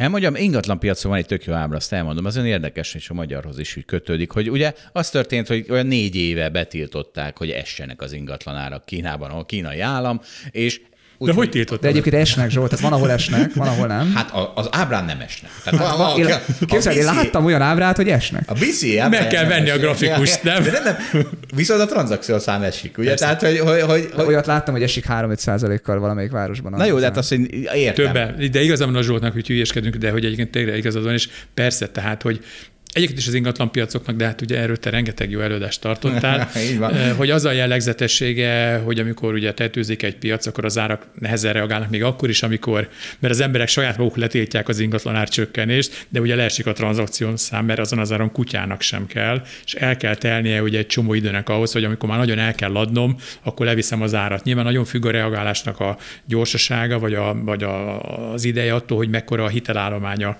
a, a lakáspiac mögött, mert ugye egy adóhitelezett lakásszektorban nincs időt két évet várni, hogy hát ha jön egy vevő, mert akkor el kell adnod, mert vissza kell fizetni a hitelt. Hogyha, hogyha nincs olyan jelentős hitelállomány, akkor ellenben mindenki üldögélhet ott a...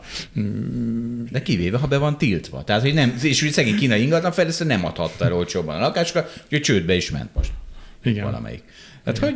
Hát óriási, de biztos látotok ilyet, tehát hogy igazán van a Zsoltnak, hogy, hogy láttunk olyanokat, hogy egy ingatlan fejlesztésnek az első fázisát eladták, a második fázisában nem voltak a vevők, leérték 30%-kal, és majdnem nagyon verték az ingatlan ügynököket, hogy hogy képzelik azt, hogy ők akkor most buknak a lakáson, hogy olcsóbban lehet venni. De hát biztos látotok a neten ilyeneket, tehát tele van a net ilyen Én még nem vertem, agyonverős videót még nem láttam. De hát nem verték agyon, de majdnem. Tehát egy ilyen lincs, tényleg egy ilyen lincselés, ott rossz, rossz volt. Laci a legjobb kínai TikTok csatornákat követi majd, majd mesélj.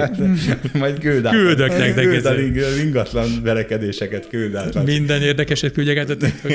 van, van még valami, amit el akartok mondani Kínával kapcsolatban? Nem, sokat beszéltünk, majd ez egy, egybe lehet, hogy sok lesz is a hallgatóknak. Hát annyit ígérhetünk, hogy a következőt esetleg kínaiul fogjuk, tehát ja. akkor még kevésbé fogjátok érteni, amit mondunk. Nekem még van egy mondásom nektek, ugye a Rómát nem egy nap alatt építették rá, a kínai nagyfal sem egy nap alatt omlott össze. Na, Ez Ezt te a... találtad ki? Ezt én találtam ki. Legalábbis... Na, valami hasonlót hallottam, de mintha nem úgy mondtad volna, de...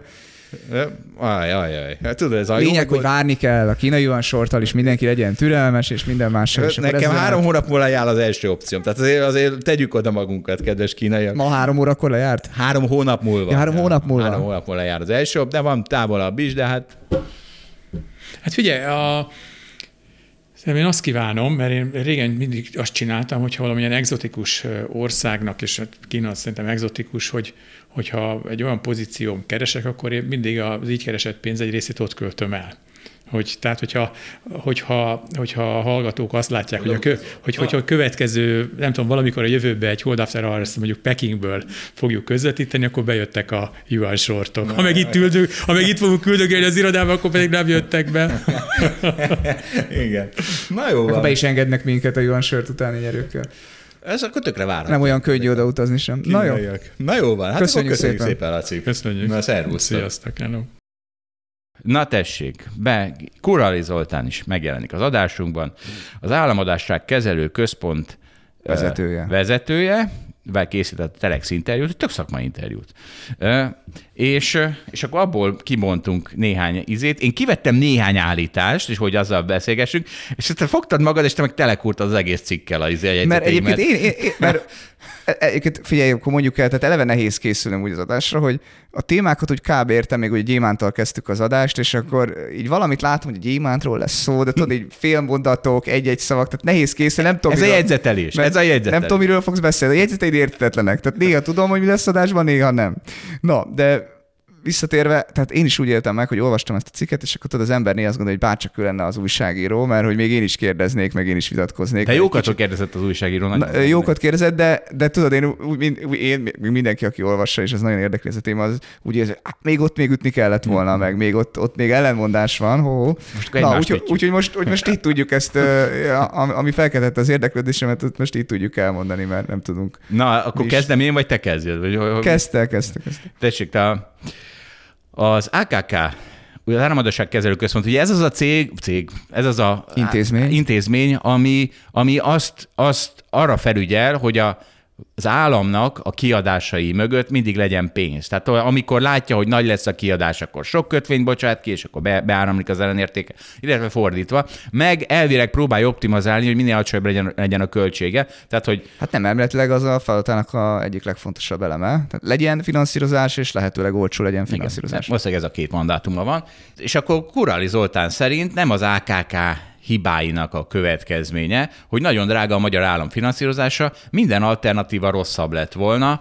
E, e, e, hát, és akkor ugye ez Érdekes, mert hát ugye most van egy ilyen teljesen abszurd Igaz kamatozás. is, meg nem is. Igaz hát is, akkor menjünk meg... bele. Menjünk bele. Tehát abban igaz, hogy valóban, tehát a, a legnagyobb bludás az a magyar állam. Tehát az, hogy a, a, a magyar infláció így elszállt, az hogy a, az, hogy a magyar gazdaságban kicsi a bizalom, az, hogy és így tovább, és így tovább. Ez nyilván az a magyar kormány hibája, és annak semmi köze az AKK-hoz, ő csak a következményeivel küzd, meg az, hogy, hogy a elgyengült forint miatt föl kellett Hát bújni. ugye az MNB-t is megidézi azért, tehát nem csak a, a kormányt, hanem az MNB-t is, hiszen ugye az MNB is, amikor a kamatpolitikai, ugyan ő már mondhatod, hogy reagál a magyar gazdaság Hát helyzetére, meg az Igen. inflációra, de hát azért eldöntheti, hogy 15%-kal meg a forint meg, vagy gyengülésre. 18 Meg a forint gyengülésre, ugye? Igen, tehát hogy, igen, tehát igen. Az, is, az is nyilván Na jó, ilyen- tehát az MNB is itt azért egy játékos, az jegyezzük meg, nem csak sok- a kormányzat. Így van. És, és tehát ebből a szempontból igaza van, na de tehát, és akkor megpróbálta megmagyarázni, azt mert kibonthatjuk, hogy ez a, ez a, az a PMAP kamatozás, ez teljesen abszurd. Tehát ez Igen, a, tehát ugye azt kell látni, hogy mondjuk 2019-ben a GDP-nek a 2%-át fizettük ki, kicsit több mint 2%-át fizettük ki kamatköltségre. Tehát ugye ezt úgy kell elképzelni, hogy a, ugye mindig azt szoktuk mondani, hogy GDP arányosan a magyar gazdaságban az állam az 70%-kal ö, tartozik. Tehát az állam 70%-ig van eladósodva, ez szokott lenni a szám, amit mindig emlegetnek, és akkor erre kell ugye kamatot fizetni. És akkor ez nem mindegy, hogy az 2% vagy GDP arányosan, vagy mint most, már 4% fölött van.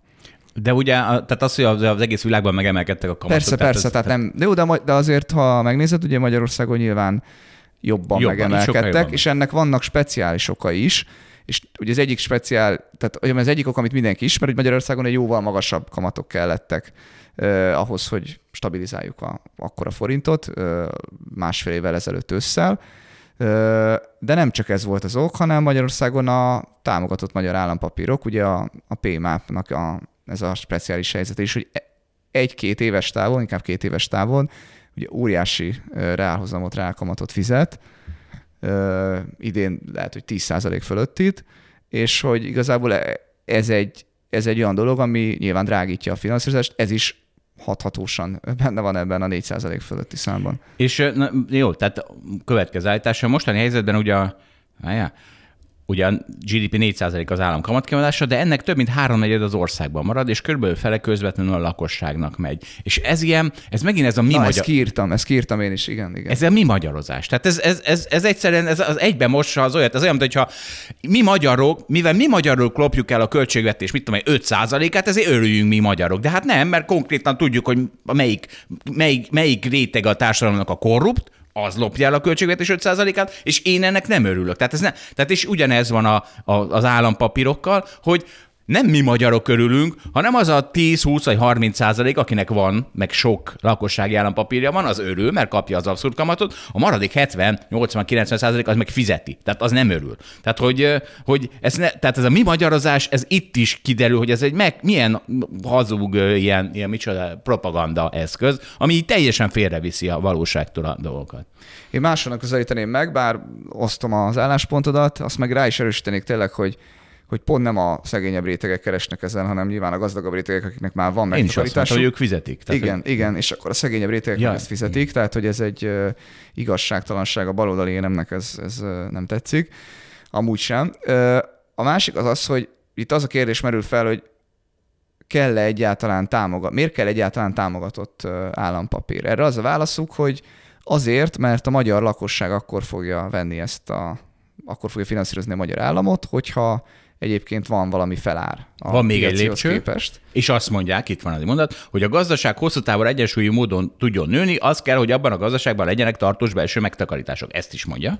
Az Igen, tehát én azt akarom mondani, hogy egy szintig egyetértek azzal, hogy lehet ezt És az államnak is jó, hogyha belülről van finanszírozva, ezt is elmondja a Kurali Zoltán. És Várj egy másodperc, csak hogy itt most megint az van, tehát, hogy igen, egy magyar gazdaság, amiben kicsi a bizalom, meg, de egy svájci gazdaság szerintem leszarja, hogy hány száz, mert a svájci gazdaságot mindenki boldogan Szerintem amúgy igen, de ez nem, ez nem egy bűn, hogy Magyarország nem, nem, nem mondom, mert, csak, csak azért ne... egy külföldi intézmény az tényleg egy kattintással Értem, de Svájcból megy. nem megy ki egy kattintással, tehát azért ne, tehát ezt se kezeljük azért de kimegy, csak mindig bejön más, tehát hogy kimegy Svájcból is valaki, aki úgy gondolja, hogy felszámolja a svájci kötvényeit. Jó, hát mert a magyar lakosság is megcsinálja. Tehát azért tehát nem azt mondjuk, hogy egy darab sincs, csak azt mondjuk, hogy ha bizalom de a magyar lakosság azért lassabban csinálja meg. Lásd, Má Plusz megcsinálta, de azért maradnak valamennyire. A Má Plusz az nem jó ide, ezt mindig ezt szoktuk mondani, de a Má Plusz nem, mert a Má Plusz helyett jó? adtak egy sokkal jobb alternatívát. Mert majd később de a Má Pluszból kijöttek?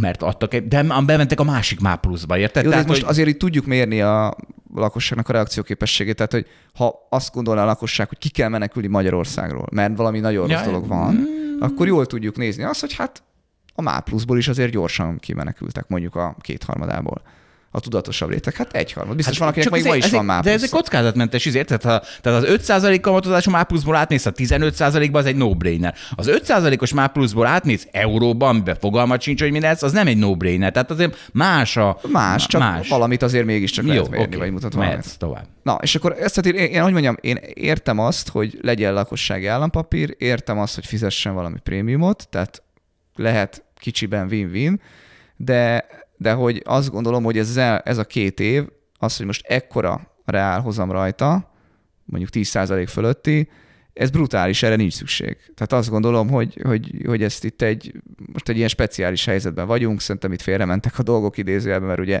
eleve a technikája is olyan, hogy ugye később fizeti infláció, tavaly volt nagy infláció, de most fog nagy kamatot fizetni a papír, tehát hogy azt akarom ezzel mondani, hogy itt, itt szerintem erre, erre egyszer nincs szükség.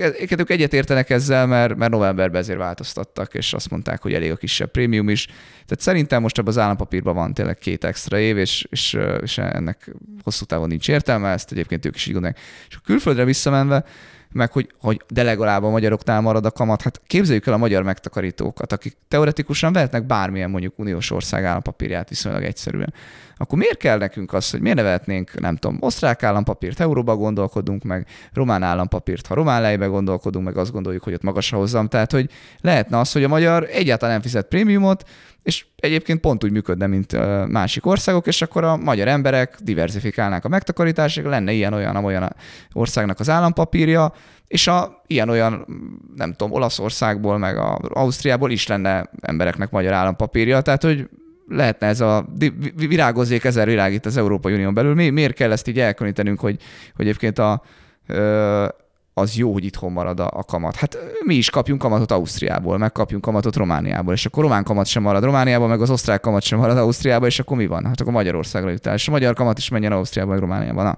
Tehát, hogy ez a mi magyaroknak egy másik olvasat. Igen, tehát azt akarom mondani, hogy a pénzpiac szerintem inkább így működik, hogy racionális döntéseket hozunk. De a globalizáció így működik, a kereskedelem így működik, tehát hogy nem, nem kell nekünk a magyar tornacipőt venni, meg Kínából is ugyanolyan jó, és cserébe meg akkor viszont a magyar autót veszi a német. Tehát, hogy Tehát, hogy Na igen, szóval ez, ez nekem is nagyon megütötte a fülem, ez a itt marad a kamat. Na, tessék, tessék, 822 ezer számlán van lakossági állampapír, de az 5 milliós Írországban 4 millió értékpapír számlán van valamilyen állampapír. Na, elérjük. Ugye 822 ezer az, az az van, hogy nekem van vagy három például svéd személy szerint, tehát hogy abban ez benne van, azt mondta ő is. Figyelj, én egyetértek, a, hogyha nevezzük egy kicsit másképp, hogy edukációs céllal, vagy nem is Na, tudom. persze, arra jó, igen. És hogy sokkal jobb az, hogy ezt én is így látom, hogy először úgy megy a dolog, hogy valakit egyáltalán nem érdekel ez a kérdés, lesz nem tudom, néhány millió forint megtakarítása, amikor már egyáltalán van értelme, hogy És ül a érdekelje. bankbetétben, és ül a bank, és azt mondja, hogy jó, valamit kéne vele csinálni, oké, okay, akkor állampapír az első. Jó lenne, ha online vagyonkezelés lenne az első eszébe, jut, dolgozunk rajta, de, de a számokat tekintve az arőtás előbb jut az állampapír eszébe. Na, és akkor az van, hogy szerintem ez egy jó dolog, hogy, hogy e- e- ez a lehetőség ott van a megtakarítók fejében. De megmondom, mi volt a jobb dolog, a magányugdíjpénztár. Az meg hirtelen az egy eltűnt. Tehát a magányugdíjpénztár az egy sokkal jobb eszköz volt en, erre az oktatásra. Igen, tehát úgy érzem, hogy a, a mi feladatunk, hogy arról beszéljünk, hogy részvényben is lehet tartani pénzt, és a állam, államadóság központ meg dolgozik azon, hogy magyar állampapírban is lehet tartani pénzt. Mert akinek van maga nyugdíjpénztára, az tudod, mit lát a számláján, az nem ilyen, nem ilyen gagyi állampapírhozamokat lát. Na, mehetünk tovább? Mert Hát itt még én is kiírtam Tudom, van még, van, még azokból Jó, olvasok. jó, na olvasd még a terészőidön. Az enyém az még, ugye erről már többször volt szó, az egyik legérdekesebb téma a prémium állampapírok visszaváltása. Kurari Zoltán szerint nem fogják megváltoztatni a visszaváltási feltételeket, de ennek nem is lesz jelentősége, mert a többség nem akarja majd kiváltani a papírjait. És az első, első tag, tagmondat az, az igen, nem fogják megváltoztatni a visszadási feltételeket, csak a visszadási feltételeken belül van az is, hogy csak 90%-on vehetik vissza, ha akarják. Tehát ez igaz, de attól még jól meg lehet szívni, de ezt most hagyjuk. Szerintem ő arra gondolt, hogy nem lesz 90 százalék, De nem, az nem, hát nem tudom, amit mondott, abba belefér a 90 tehát mondjuk így, mert a visszaváltási feltételek változtatása nélkül is ki lehet visszaválni 90% és a többség, viszont abban igaza, hogy a többség nem akarja majd kiváltani a papírt, és erről beszéltem az előbb, hogy, hogy, hogy mert mindig az alternatívát fogják nézni, tehát hogy ha azért rohantak ki a mápuszból, mert volt egy 15%-os mápusz. De hát, és most is az van, most lejár a 16%-os PMAP, és lemegy, visszamegy a kamata, ugye infláció plusz 0,25-re, ami tudom én, lesz mondjuk 6, 8, nem tudom mennyi. A- De körbenézés a többi sem jobb. Tehát, hogy vagy elviszi euróba, de ez nem lesz mindenki, nem viszi el mindenki euróba, pláne, hogyha már 420 lesz. Hát a- de sok minden jobbnak fog akkor tűnni. hát, Hát de kisebb ugye lesz a versenyelőnye, na de, az, de, de, de Telex is kérdezi tök helyesen, hogy mi van, ha 2% az infláció, és akkor azt fogja látni, hogy 2,25, akkor már az érzékelés is teljesen meg fog változni. Hát de és akkor nem kijönnek majd 18 lesz a szám, ami a fejükben lesz És akkor visszajön a megtakarítónak. mondjuk. Tehát, hogy, hogy érted? Tehát, hogy a visszajön az 5 át. Oké, okay, csak ugye mindig az a kérdés, hogy mennyi prémiumot kell adni, mennyi rálozamot kell ígérni. Most két évig 10% rálozamot ígér, akkor az nyilván extra jó. Most ő azt mondja, hogy oké, okay, ha majd 1%-ot vagy 0,5% rálozamot ígér, majd akkor kitalálunk valami új dolgot. Lényegében ezt szintett el. Oké, okay, de mennyi az a rálozam, ami kell? 5, 3, 2, 1, nem tudom. Tehát ugye ez a kérdés, és azért azt gondolom még egyszer, hogy itt most van nagyon extrém két év, és ezért ez vissza fog De ez a te fejedbe is beleüt. Azt hiszed, hogy mivel most 10% a ráhozam, ezért a lakosság csak kurva magas ráhozammal. De hát nem, nem ez lesz a... Ne, tehát Hát ne, de ennyi pénz csak ilyen magas rálozam Persze, de, de akkor vagy OVK-ba jönnek mind, mert ott lehet, hogy lesz ekkora ráhozam, vagy ha kötvényben maradnak, akkor választhatnak, hogy 0,25 vagy mínusz 2, mert az volt egyébként a normalitás sok éven keresztül. Tehát, hogy, hogy nem, nem azt fogják megnézni, hogy úristen, két éven keresztül 10% ráhozamom van, tehát akkor most is csak olyan barakom bele, mert olyan nem lesz. Sehol. 0,25 lesz. Tehát, hogy Na jó, de mondjuk az online vagyonkezelés is felértékelődik ezzel így szemben. van, ez persze, persze. de egyébként persze. nem az online vagyonkezelés, kéne most mondjuk a részvényeinkhez. Most De ezek minden más kockázat, érted? Tehát az, az Ja, a persze, Marini- persze, jó, de most a, értem, van, aki soha nem venne részvényt. Na, de ezen Így. dolgozzunk, hogy el Így van. kéne csomó portfólióba, amiben nincs. Na, in- innen már a terész egy. Innen, jó, na, én is kiírtam. Figyelj, Te azt az mondja, azt mondja, beraktad. de hogy raktam be az De-? Először is érdemes, Kurali Zoltántól idézek, először is érdemes leszögezni, hogy infláció követő állampapírok máshol is vannak, például az Egyesült Államokban, Franciaországban, Nagy-Britanniában, Németországban, Olaszországban, mindenhol. Na, de mondjuk maradjunk az Egyesült Államokra, ezt egyébként már elővettük, tehát oké, okay, csak ott, ott nagyon más az a infláció követő állampapír, mert hogy ott nincs olyan ígéret, hogy visszaváltjuk valamilyen árfolyamon. Tudom, azt gondolod, hogy itt sincs, de hogy, de hogy egyébként itt az emberek ma azt hiszik, hogy visszaváltják közel százas árfolyamon. Tehát itt valójában lehet, hogy 7 éves az állampapír, vagy 9 éves az állampapír, ami infláció követő, de az emberek úgy élik meg, hogy ez bármikor vissza lehet váltani, tehát a valódi gyúrésönye az nulla, vagy fél, vagy egy. És hogy... Vagy olyan, mint hogyha a kötvény mellé vettek egy opciót. Igen, tehát, tehát hogy, hogy kifizeti a kamatot, és ha nekem nem tetszik majd a jövő évi kamat, akkor, akkor majd százon kiszállok. Na most Amerikában, nulla tranzakciós Amerikában nem így van. Amerikában a tipsnél ugye, ha felmentek a reálkamatok, akkor lehet, hogy 30-40 százalék bukóban fogod eladni azt a 10 vagy 30 éves kötvényt. Tehát ez egy teljesen más történet. Más a kockázat. Ott ugye egy piaci alapú dolog van. Ott van infláció követő papír, csak nem államilag támogatott. Ez óriási különbség. Most az Olaszországnak nem nyomoztam utána, úgyhogy nem lehet, hogy máshol is van ilyen támogatás, mint Magyarországon, de, de, de meglep, de nyilván ilyen szinten biztos, hogy nincs. Na, mehetünk tovább, mert még kiírtam. Me- mehetünk tovább. Ez nagyon tetszett. Amit Én is kiírtam, hogy a, ezt a Magyarországon marad a kamat, akkor azt most ne beszéljük meg. Na, mi ennek az alternatívája? Az, hogy folyamatosan egyéves papírokat görgetünk, amelyek kamatait mindig az aktuális piaci helyzet alapján határozzuk meg. Ennek viszont hatalmas a likviditási kockázata, hiszen azok a papírok az év végén biztosan lejárnak, és soha nem tudhatjuk, hogy a befektető vesz-e újat helyette.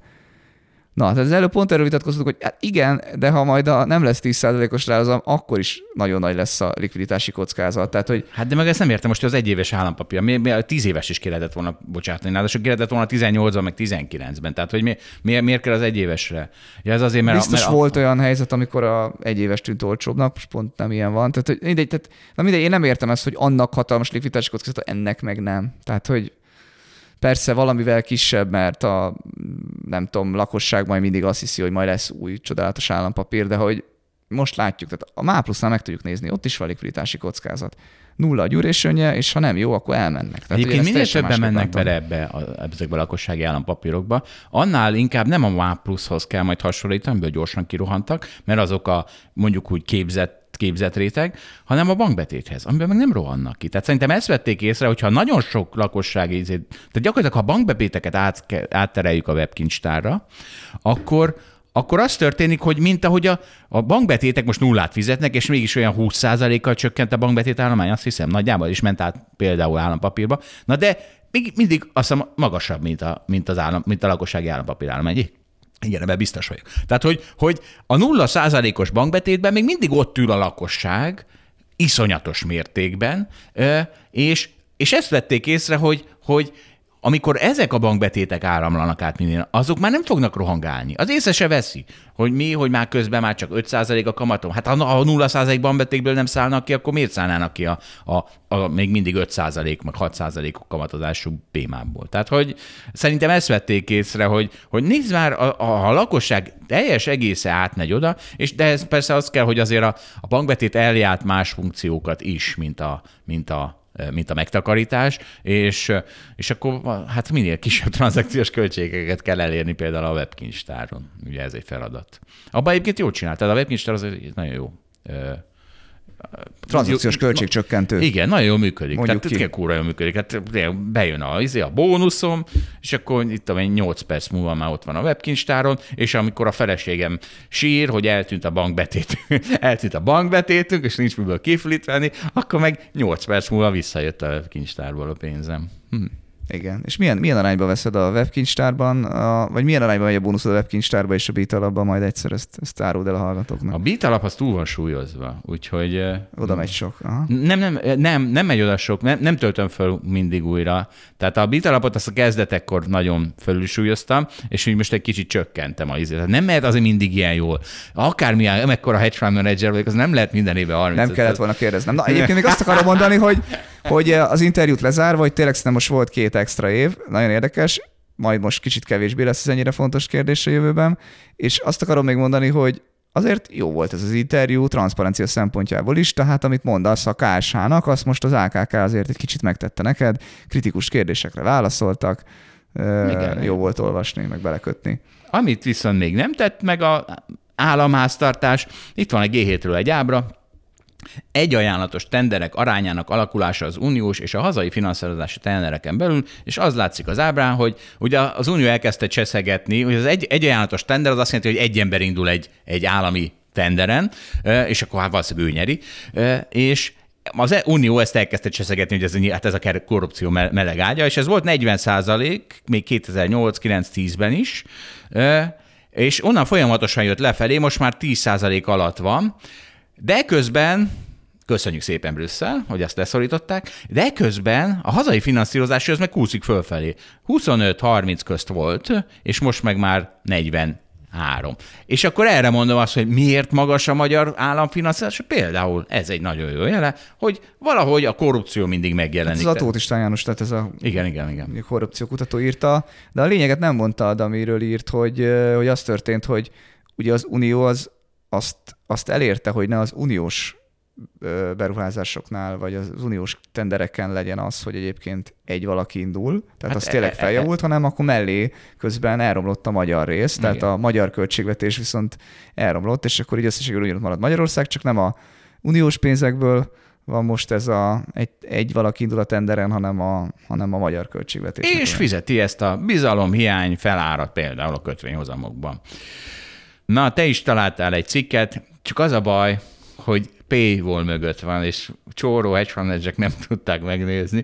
Úgyhogy az a válasz, hallgatótól vár- várjuk a választ. Jó, de ez a The Atlantic mögött volt, ami szerintem nem, nem olyan gáz, hogy nekünk éppen olyan előfizetési nincsen. hogy- Tudod, amikor a, nem tudom, a Wall Street Journal előfizetés nem volt meg, vagy nem tudom, melyiket hoztuk a múltkor, az, az nagyon kínos volt, úgyhogy itt bejelentem, hogy lesznek ilyen előfizetések, vannak, tehát hogyha Van Zsolt, csomó, szegény nem. Zsolt, igen, nem marad olvasni való nélkül. Így van, de ennek az az a címe, hogy miért nem Ugye volt egy izénk, még a majálison vettük elő, hogy a gazdag emberek Igen, és azért gondolkoztam, mert hogy lett egy új telefonom, és még, még nem érkezett meg rátok, és tudod, mondtad, hogy a, meggazdagodtál. igen, hogy a gazdag embereknek a, hogy, hogy, hogy kell ezt mondani, hogy A gazdag emberek leszarják. Igen, tehát a gazdag embereknek nincs tok a telefonukon. Igen, mert Úgyhogy most egy hétig én is gazdag embernek érzem magam, még érkezik a és telefonomra. nem vagy ideges? Én, mind, én, De, de, de, tehát hogy kicsúszik a kezemből. Nem, nem vagyok én annyira gazdag, hogy örüljek, hogy széttörik a telefonom.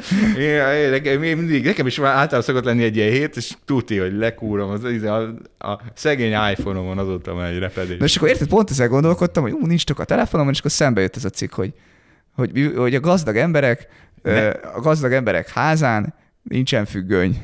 Nem, nem, nem takarják el a ablakaikat. És az, Igen, hát hogy És ez be egy, lehet látni. És az az, izé, az, még az első sorát el tudok olvasni a cikknek, ez egy váratlan státuszszimbólum, ami a high-end lakásokon lett fix. Na, aki, és azt ne küldjék el nekünk, senki ne küldje el nekünk, hogy hogy kell csalva elolvasni, mert vannak rá módszereink, csak ezt nem, nem érte meg. Meg a két dolláros havi előfizetést is ki kellene tudnunk fizetni. I- igen. Jó, annál De ne, hát most akarsz Atlantikot olvasni? Akarok, persze, én szoktam olvasni. Hogy? Tudod, az ilyen Egy jó sort. Ez ilyen jó baloldali újság. Egy sort szoktál olvasni belőle? Na, Nem, nem, tehát egyrészt vannak ingyenes cikkek, vagy voltak még tavaly. Másrészt volt előfizetésem, képzeld, még járt is. Tehát, hogy Amerikából küldték az újságot. Na, ez Mert ugye ez egy, tehát van újság is effektíve, print. Úgyhogy ez egy nagyon jó újság. Neked is kéne olvasnod, hogy egy kicsit érzékenyebb legyél. Orsi azt húzta hozzá, hogy az, a rich people-nak van előfizetésük. Tehát a, nincs, nincs ablakuk. Az van, hogy igen, ezt a kommentelőktől és Orsitól is meg szoktuk kapni, hogy figyeljünk jobban a fize- előfizetésekre. Na, de majd rendbe tesszük ezt is, Zsolt. Na, figyelj, helyesbítés. Tehát nem is teljesen helyesbítünk.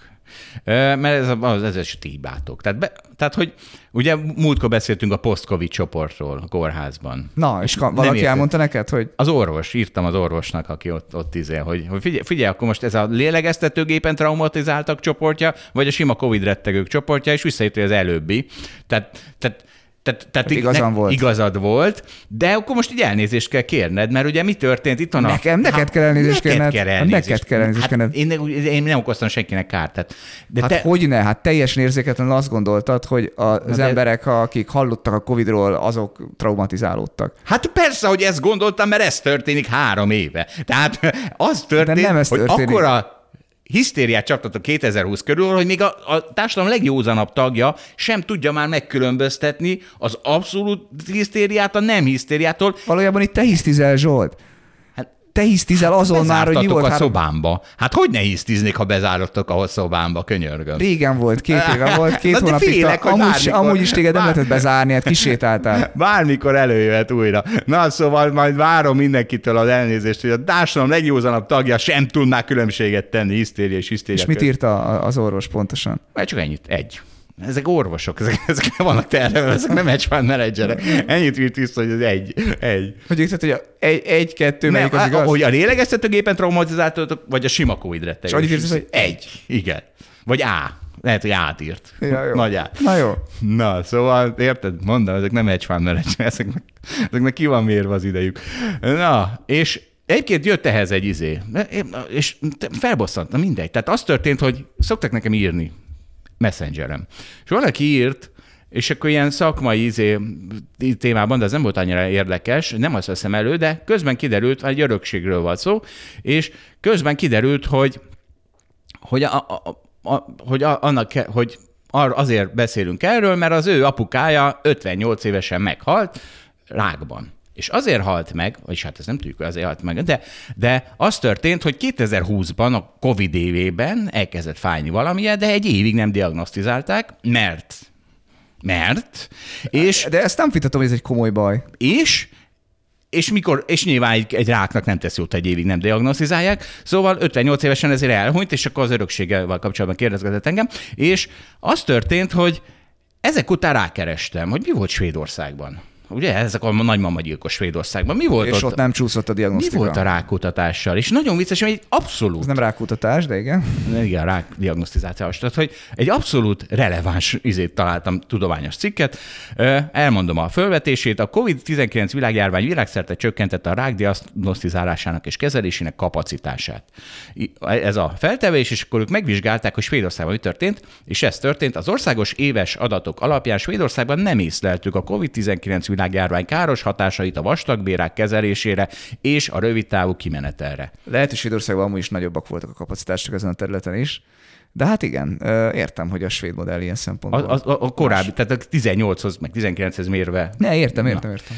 Na, szóval azért ott Svédországban csak csináltak jó dolgokat, ezek a nagymama gyilkosok, és akkor most figyelj, most jön az, hogy mivel a hallgatók is felbosszantottak, meg ez a jelenség is felbosszantott, ezért most, most olyan 7-8 perc Covid monológ következik, azt külön fog, veszem föl. Igen, mert én már nem, nem vagyok képes ezt meghallgatni. Így van. Má- Tehát meg- szerintem, a, meg nem is- aki, aki is szeretne ö, hallgató maradni, az lehet, hogy ö, igen, hogy ezt tekerje ezt át. Azt A, hát aki régóta hallgató, az, bizt, az, te, az részben tekelj át, mert hiszen nem lesz benne sok új. Zsolt leírta nekem egy messenger chatbe egy tíz sorba, miről fog beszélni, és akkor kértem, hogy át inkább ne, vagy legalább valami új példákon keresztül, de nem tudok ráhatni. És azért is csinálom külön tőled, mert nehogy félrevidd, mert nagyon jól össze van rakva. Tehát nehogy félrevidd a retorikát, mert bele, beleizélsz majd, belepicsognál, hogy jaj, de nagymamánk.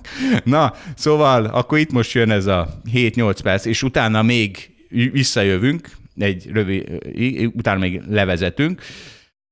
Na, szóval miért, miért nem vagyok hajlandó elengedni ezt a 2020-at? Miért, miért, miért kell nekem ezt folyton elővenni, amikor még mindenki be- belegárgyul, még én is?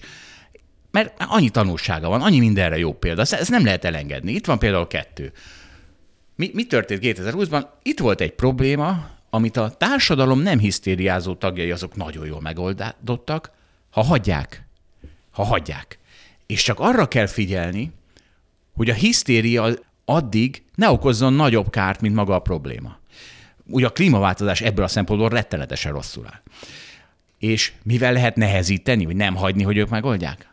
Hát azzal, hogy a hisztériának a következménye az átpolitizáltság, és át lehet politizálni a legszakmaibb kérdéseket. Tehát egészen elgépesztő, hogy a COVID kezelése az, abból is politika lett, és, és most, ha már politika, tehát szólok, hogy nem a mi hazánkot kell a fejemhez vágni, mert azok az idióták 2020-ban még nem is léteztek talán, hanem amikor ezek a konfrontációk akutak voltak, akkor, akkor trumpista és bolsonaroista, ezt, ezt kell, mert azok az idióták már akkor is léteztek. Itt egy személyes sztori. Amikor az, amikor az első Covid-oltást meg lehetett kapni, Pfizer-t, ugye ilyen, ilyen várólista volt, behívtak, és mosolyogva, vigyorogva mentem be a házi orvoshoz, és a fejemhez is vágta, hogy maga mitől ilyen boldog, és hát doktor, hogy ne lennék boldog, hát megkapom végre az oltást, és mehetek táncolni. És akkor ő is velem örült. Na, szóval, hogy ne legyen se SDSS, se mi épes barátom, az utcámaszkhordás az hisztéria, az mRNS vakcinákat pedig én személy szerint kötelezővé tettem volna, mert ugye ha már úgyis rendőrállamá hisztisztétek, vagy rettegtétek az egész civilizált világot, akkor, akkor legalább ennyi pozitív hozadéka lehetett volna. Nekem amint lehetett volt három vakcinám. Ugyanis a vakcina ellenesség ugyanaz, mint a fölösleges rettegés a, vakciná, a COVID-tól. Tehát az, a, a, mint az utcámaszkordás. Az egyik a vírustól, a másik meg a mondjuk a háttérhatalmaktól rettegés, és abból a szempontból teljesen egyenlőek, hogy egyik se racionális, tehát mind a kettő full irracionális. Na és akkor ez az, ami rávilágít, hogy itt is ugyanaz a probléma, mint mindig. Vagy mint általában mindig. Azokkal van a baj, akik érzelmileg involválódtak. Aki kimondja, hogy haldokló nagymama, akinek a nagymama nem egy Excel rubrika, az nem, hogy a döntésből ki kell zárni, de még a diskurzusban sem vehet részt, mert, mert onnantól kezdve beszámíthatatlan. Ugyanis ezt csináljuk az összes többi betegség bioetikai vonatkozásában. Mi, mi a kérdés? Mennyi gazdasági és társadalmi költséget vagyunk hajlandóak egy betegség kezelésére fordítani? Excelben kell eldönteni. Mert ugye nem lettek kizárva, hogy mondom. Itt most nem lettek kizárva, sőt, ezek hozták a döntéseket. És miért? A, a, a, az érzelmileg involválódtak. Az első baj az volt, hogy ez a, ez a vírus ez Kínából jött, és nem Svédországból. És így a, a rendőrállami megoldás lett a mérvadó. Úgyhogy amikor Európában kitört a hisztéria, amit ugye azért minek köszönhetünk, egyrészt a saját életükért rettegő sajtómunkásoknak, meg a pániktartalomra klikkelő médiafogyasztónak. Tehát ezek együtt összehozták a kínai rendőrállamot Európában is. Ugyanis ilyen körülmények közt nem mondhatta azt egy olasz politikus, ugye ott merült föl ez először, nem mondhatta azt, hogy ő nem tesz látszólag annyit a haldokló nagymamákért, mint egy kínai politikus. Nem mondhatta. Meg hát az a sikeres, nem? Hát ha nincs utcán ember, akkor nincs fertőzés. Más meg nem számít. Az, hogy gyerekekre veszélytelen a vírus, hát ez, ez, ez hülye okoskodás. Hát ez nagymama gyilkosság. Meg, megmondom, mi erre a jó analógia. Tehát tegyük fel, hogy elveszítem a családom felét egy autóban esetben. És, és ezek után valaki azt mondja, hogy rám bízza a, a közlekedés szabályozását Magyarországon, és olyan hülye vagyok, hogy mivel érzem meg involválódok, közlöm, hogy jó van, akkor mostantól kezdve senki nem mehet 15 km per óránál gyorsabban.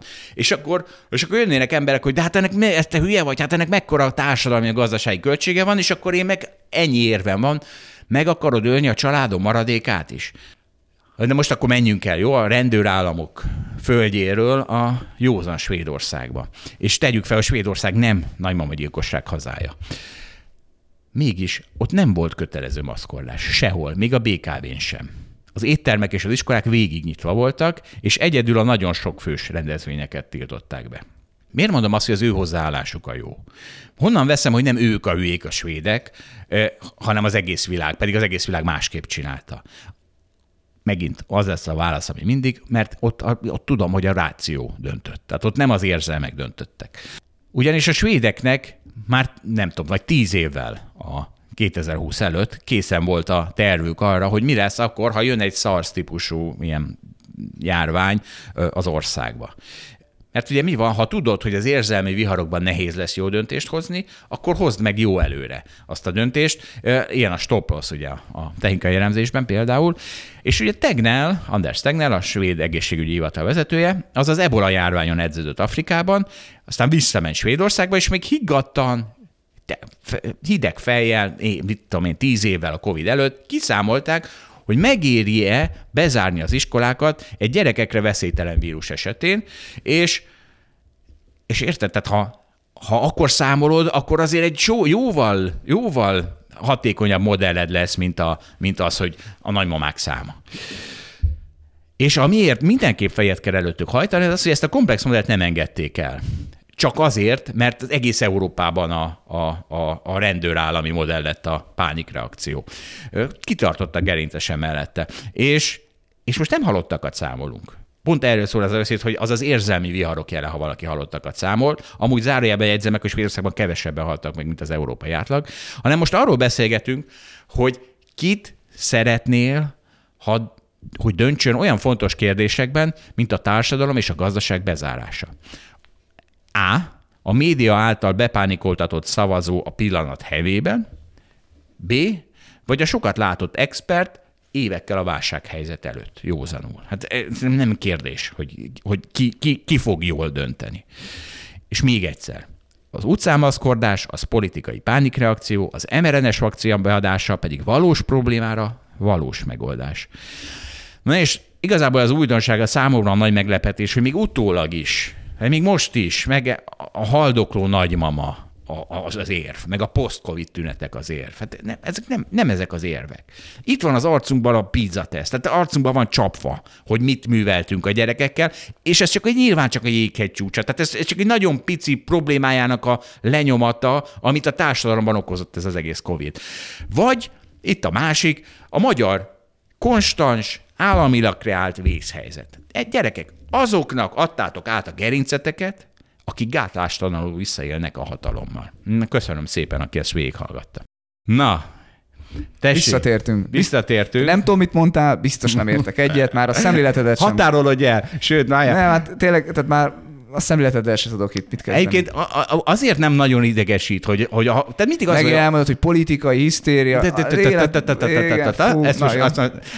De nem, nem, tehát ugye azért az van, hogy mindig az van, hogy akárkinek az érzései rálépek, akkor azok, azok nekiállnak komment, egy te szemét, te szemét. Itt vagy teljesen eltájolva. De tényleg szerencsére, de mindig szerencsére ez nem van, tudom, mit Valás, mindig ez van. De nem, Figyelj Zsolt, amikor szimplán hülyeséget mondasz, hogy biztos, mert megsértettem, mert ő él buborékban. Jó, de Tehát ez, de, egy, ez de... egy ilyen, ez egy bunkóság az emberekkel szembe. Hülyének nézel mindenkit, itt, és ez egy hatalmas tévedés, mert néha te vagy a hülye.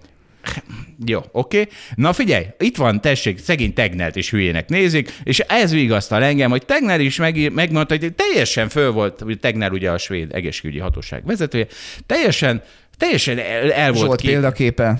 Azért mindenkinek a példaképe kéne, hogy legyen, és pont ez jelenti, hogy az emberek milyen hülyék, hogy nem Tegnell mindenkinek a példaképe. Tehát érted? Nem én, Tegnellről van most szó. Na és ugye, és Tegnell mondta, hogy írt egy könyvet, Tegnell már visszavonult, és most írt egy könyvet, és ö, föl, föl, föl, fölelevíti, hogy mennyire meg volt lepődve azon a dühön, sőt, halálos fenyegetéseken, amiket ő kapott 2020-ban.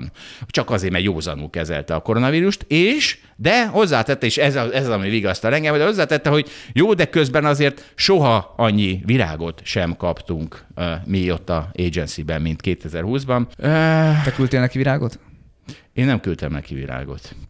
Én megnéztem rendszeresen az interjúit. Én, én ezzel, ezzel raktam virágot. Megvetted a könyvét? Meg, azt nem vettem. De megnéztem, volt egy... Vedd elő, a könyvét, Zsolt. Hát me, előfizet, készült egy, azt hiszem, magyar dokon, magyar is dokumentumfilm, és ez fizetésért lehet megnézni, pénzért lehet megnézni. Ah. Fizettem. Hát, Atlantikra nem fizettek, erre fizettem. E, és vicces, például itt van ez egy jó, jó példa a Tegnell munkásságára. Atlantikra ne fizess elő, mert azok ilyen klímarettegők szerinted. Az biztos. Na figyelj, itt van. De egyébként én azokra szoktam előfizetni. Tehát én mindig a, a nem, tehát a, szeretném meghallgatni valami értelmeset. Akkor az Atlantikra fizess elő, azok nagyon értelmesek. Én szoktam is Atlantikot olvasni, ha nem rakják paywall mögé. Milyen baloldaliak ezek? Ez annyira kínos már. Na, na, na, ne nézze meg senki a alapkezelő árbevételét, hogy hasonlítsa a, a Diatlantiknak a... a... A legjobb az volt, amikor legutóbb ezért valaki, valaki mondta, hogy akkor megtámogat téged, vagy minket egy előfizetéssel, és akkor... Két euróval. Két euróval, és akkor úgy éreztem, hogy hova. Baj van. Na figyelj, tehát például Tegnell az, amikor nem volt sűrűszakban maszkorás, és azt mondta, hogy én átnéztem a teljes irodalmat, és azon gondolkoztam, hogy lehet, hogy Ázsia, akik évtizedek óta folyamatosan maszkokat hordanak, hogy azok mind rosszul csinálják. De hát én az irodalomban semmi bizonyítékot nem láttam annak, hogy segítene az influenza szezonon, ha az emberek maszkot hordanak, és és, az, és azt mondta, hogy de hát nem, én nekem nem az ott a feladatom, hogy ezt elbíráljam, hanem megnézem a research És ha találok benne, akkor bevezetjük. És nem találtam. Tehát ez tegnel, hogy nem pánikmaszkordás van, hanem az van, hogy átnézi az irodalmat tíz évvel előtte, és hát gyerekek, a maszknak nem sok értelme van. Na, itt van tessék egy adat. 83% az embereknek szembenézne a félelmeivel, ha elég pénzt fizetnének nekik. Mit szólsz? Kicsit általános ez a leírás. Mit jelent, hogy szembenézni a filmeivel? Azt nem tudom. Szembe. Face, face Elmenne orvoshoz, vagy beszélgetne egyet őszintén a feleségével, vagy érted? Tehát mit kell ez alatt? Benyúlni egy pókkal teli zacskóba. Ja, úgy, ja, úgy, azt hittem, hogy na, teljesen másokra gondoltam. Szerintem, nem tudom. Na, de egyébként nem vagyok én akkor azt, tehát én is aggódom a nagymamámért, tessék. Például, amikor egyedül van teljesen otthon, egy üres lakásban, egy teljesen üres lakásban, és elesik, és senki nincs ott, aki hallaná, akkor annak van hangja. Hogy érzed, hogy van hangja? Van hangja, csak senki nem hallja. Szerint, na, és igazából egy dolog miatt aggódom, hogy mindenki elég képzette filozófiából, hogy értse ezt a viccet. Én nem, úgy látszik. Na, Balázs, nem? Na, De hát válaszold meg. Akkor ez hallgatókra egy filozófiai, Még nekem is egy filozófiai alapvetés az, hogy az erdőben, Ja. az üres erdőben, ha kidől a fa, annak van-e hangja? Mert ugye a hang, Azt csak úgy, csak akkor, Az csak hogyha van akkor. alany, aki érzékeli, csak hogyha van egy, a, egy fül, meg egy agy, ami ezt érzékel. értem, megértettem. Különben csak re- rezgése a levegőnek. Na, tessék, akkor filozófiából is. Nagymama hallja valószínűleg a saját esését. Na, most már nagymamában nem menjünk jobban magára. Nagymamában nem menjünk jobban bele. E, tessék, és akkor bezárjuk. Közszolgálatiság a közmédia helyett rovatunk. Mert hogy valahogy működik az állam, beszartam. Tessék, ö, ö, tudod mi a 911? A, nem, a, nem, a, nem, a 9, nem a 9-11, hanem a 911. Persze. Na, mindenki tudja. Úgy miért tudja mindenki? Mert Mert az a, összes filmben az van. mert az teljes Hollywood propaganda izé, ipar mögé állt. És akkor mindenki tudja, a világon minden gyerek tudja, hogy vész esetén 9-11. És arra ébredtem egyszer, hogy behergeltem magam, hogy szerintem ezek az idióták itt nemzetieskednek, nekünk nem kell a jenkik segélyhívója. Mi nekünk saját, magyar saját se- segélyhívónk van. És akkor Nem lehet, hogyha beütött a 911, akkor felhívja az 112-t? fölhívtam a 911-et, és kapcsolta az 112 Na, akkor meg miről beszélsz? Hát erről kurvára örültem, hogy végre működik Ja, az hát állam. igen, ezért. Nagyon örültem. Tehát van, hogy működik az állam, nem a pákozdi diadal izé, évszámát kell fölhívni, hanem a 911-et is föl lehet hívni Magyarországon is, mindenki hívja bátran, és az kapcsolja a A 112-t. Pákozdi diadal évszámát. Jaj, most minden, minden nem megyünk el. 1848. Tessék, ne, miért nem 848 Magyarországon a izé, a, a, a segélyhívó? Tehát el tudtam volna képzelni, hogy ezek bevezették. De hát senki pontosan- nem mondta, hogy 1848-at kell ütni. Tudom. És örülök. Ja, ja, ja, örülök, ja. örülök, hogy ez nem történt meg, hanem a 9 az amerikai, a jenki segélyhívóval is föl lehet A pozsonyi csatát kéne. 906, nem tudom. Tudod, amiről ez a film is készült. Azt, azt nem ismerem. Amikor még megvertük a nyugatot rendesen a portyázásról, azt kéne. Hát vagy 6-3. Nem? És akkor csak két számjegy. Akkor csak két szám. Egyébként 63. annak oka van, hogy miért három. Egyébként a 112 az egy európai standard. Nem tudom, hogy Európa más országban is működik a 911. Hát szerintem működnie kell. Tehát ez nagyon furcsa lenne, hogyha nem Az működik. itt élő amerikaiak is tudjanak Pontosan. segítséget kérni. Aha. Na, úgyhogy akkor én mindenkinek működő államot kívánok a hétvégére. Te mit kívánsz, Balázs? Én is, én is. Jó van. Köszönjük szépen a figyelmet, szervusztok! A viszont hallásra, sziasztok!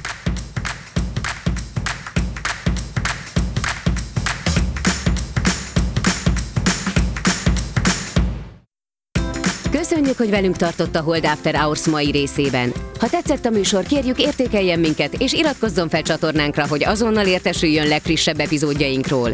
Az adással kapcsolatos részleteket és az említett cikkeket, ábrákat keresse a Hold blogon. Ez volt a Hold After Hours. Tartson velünk a következő adásban is!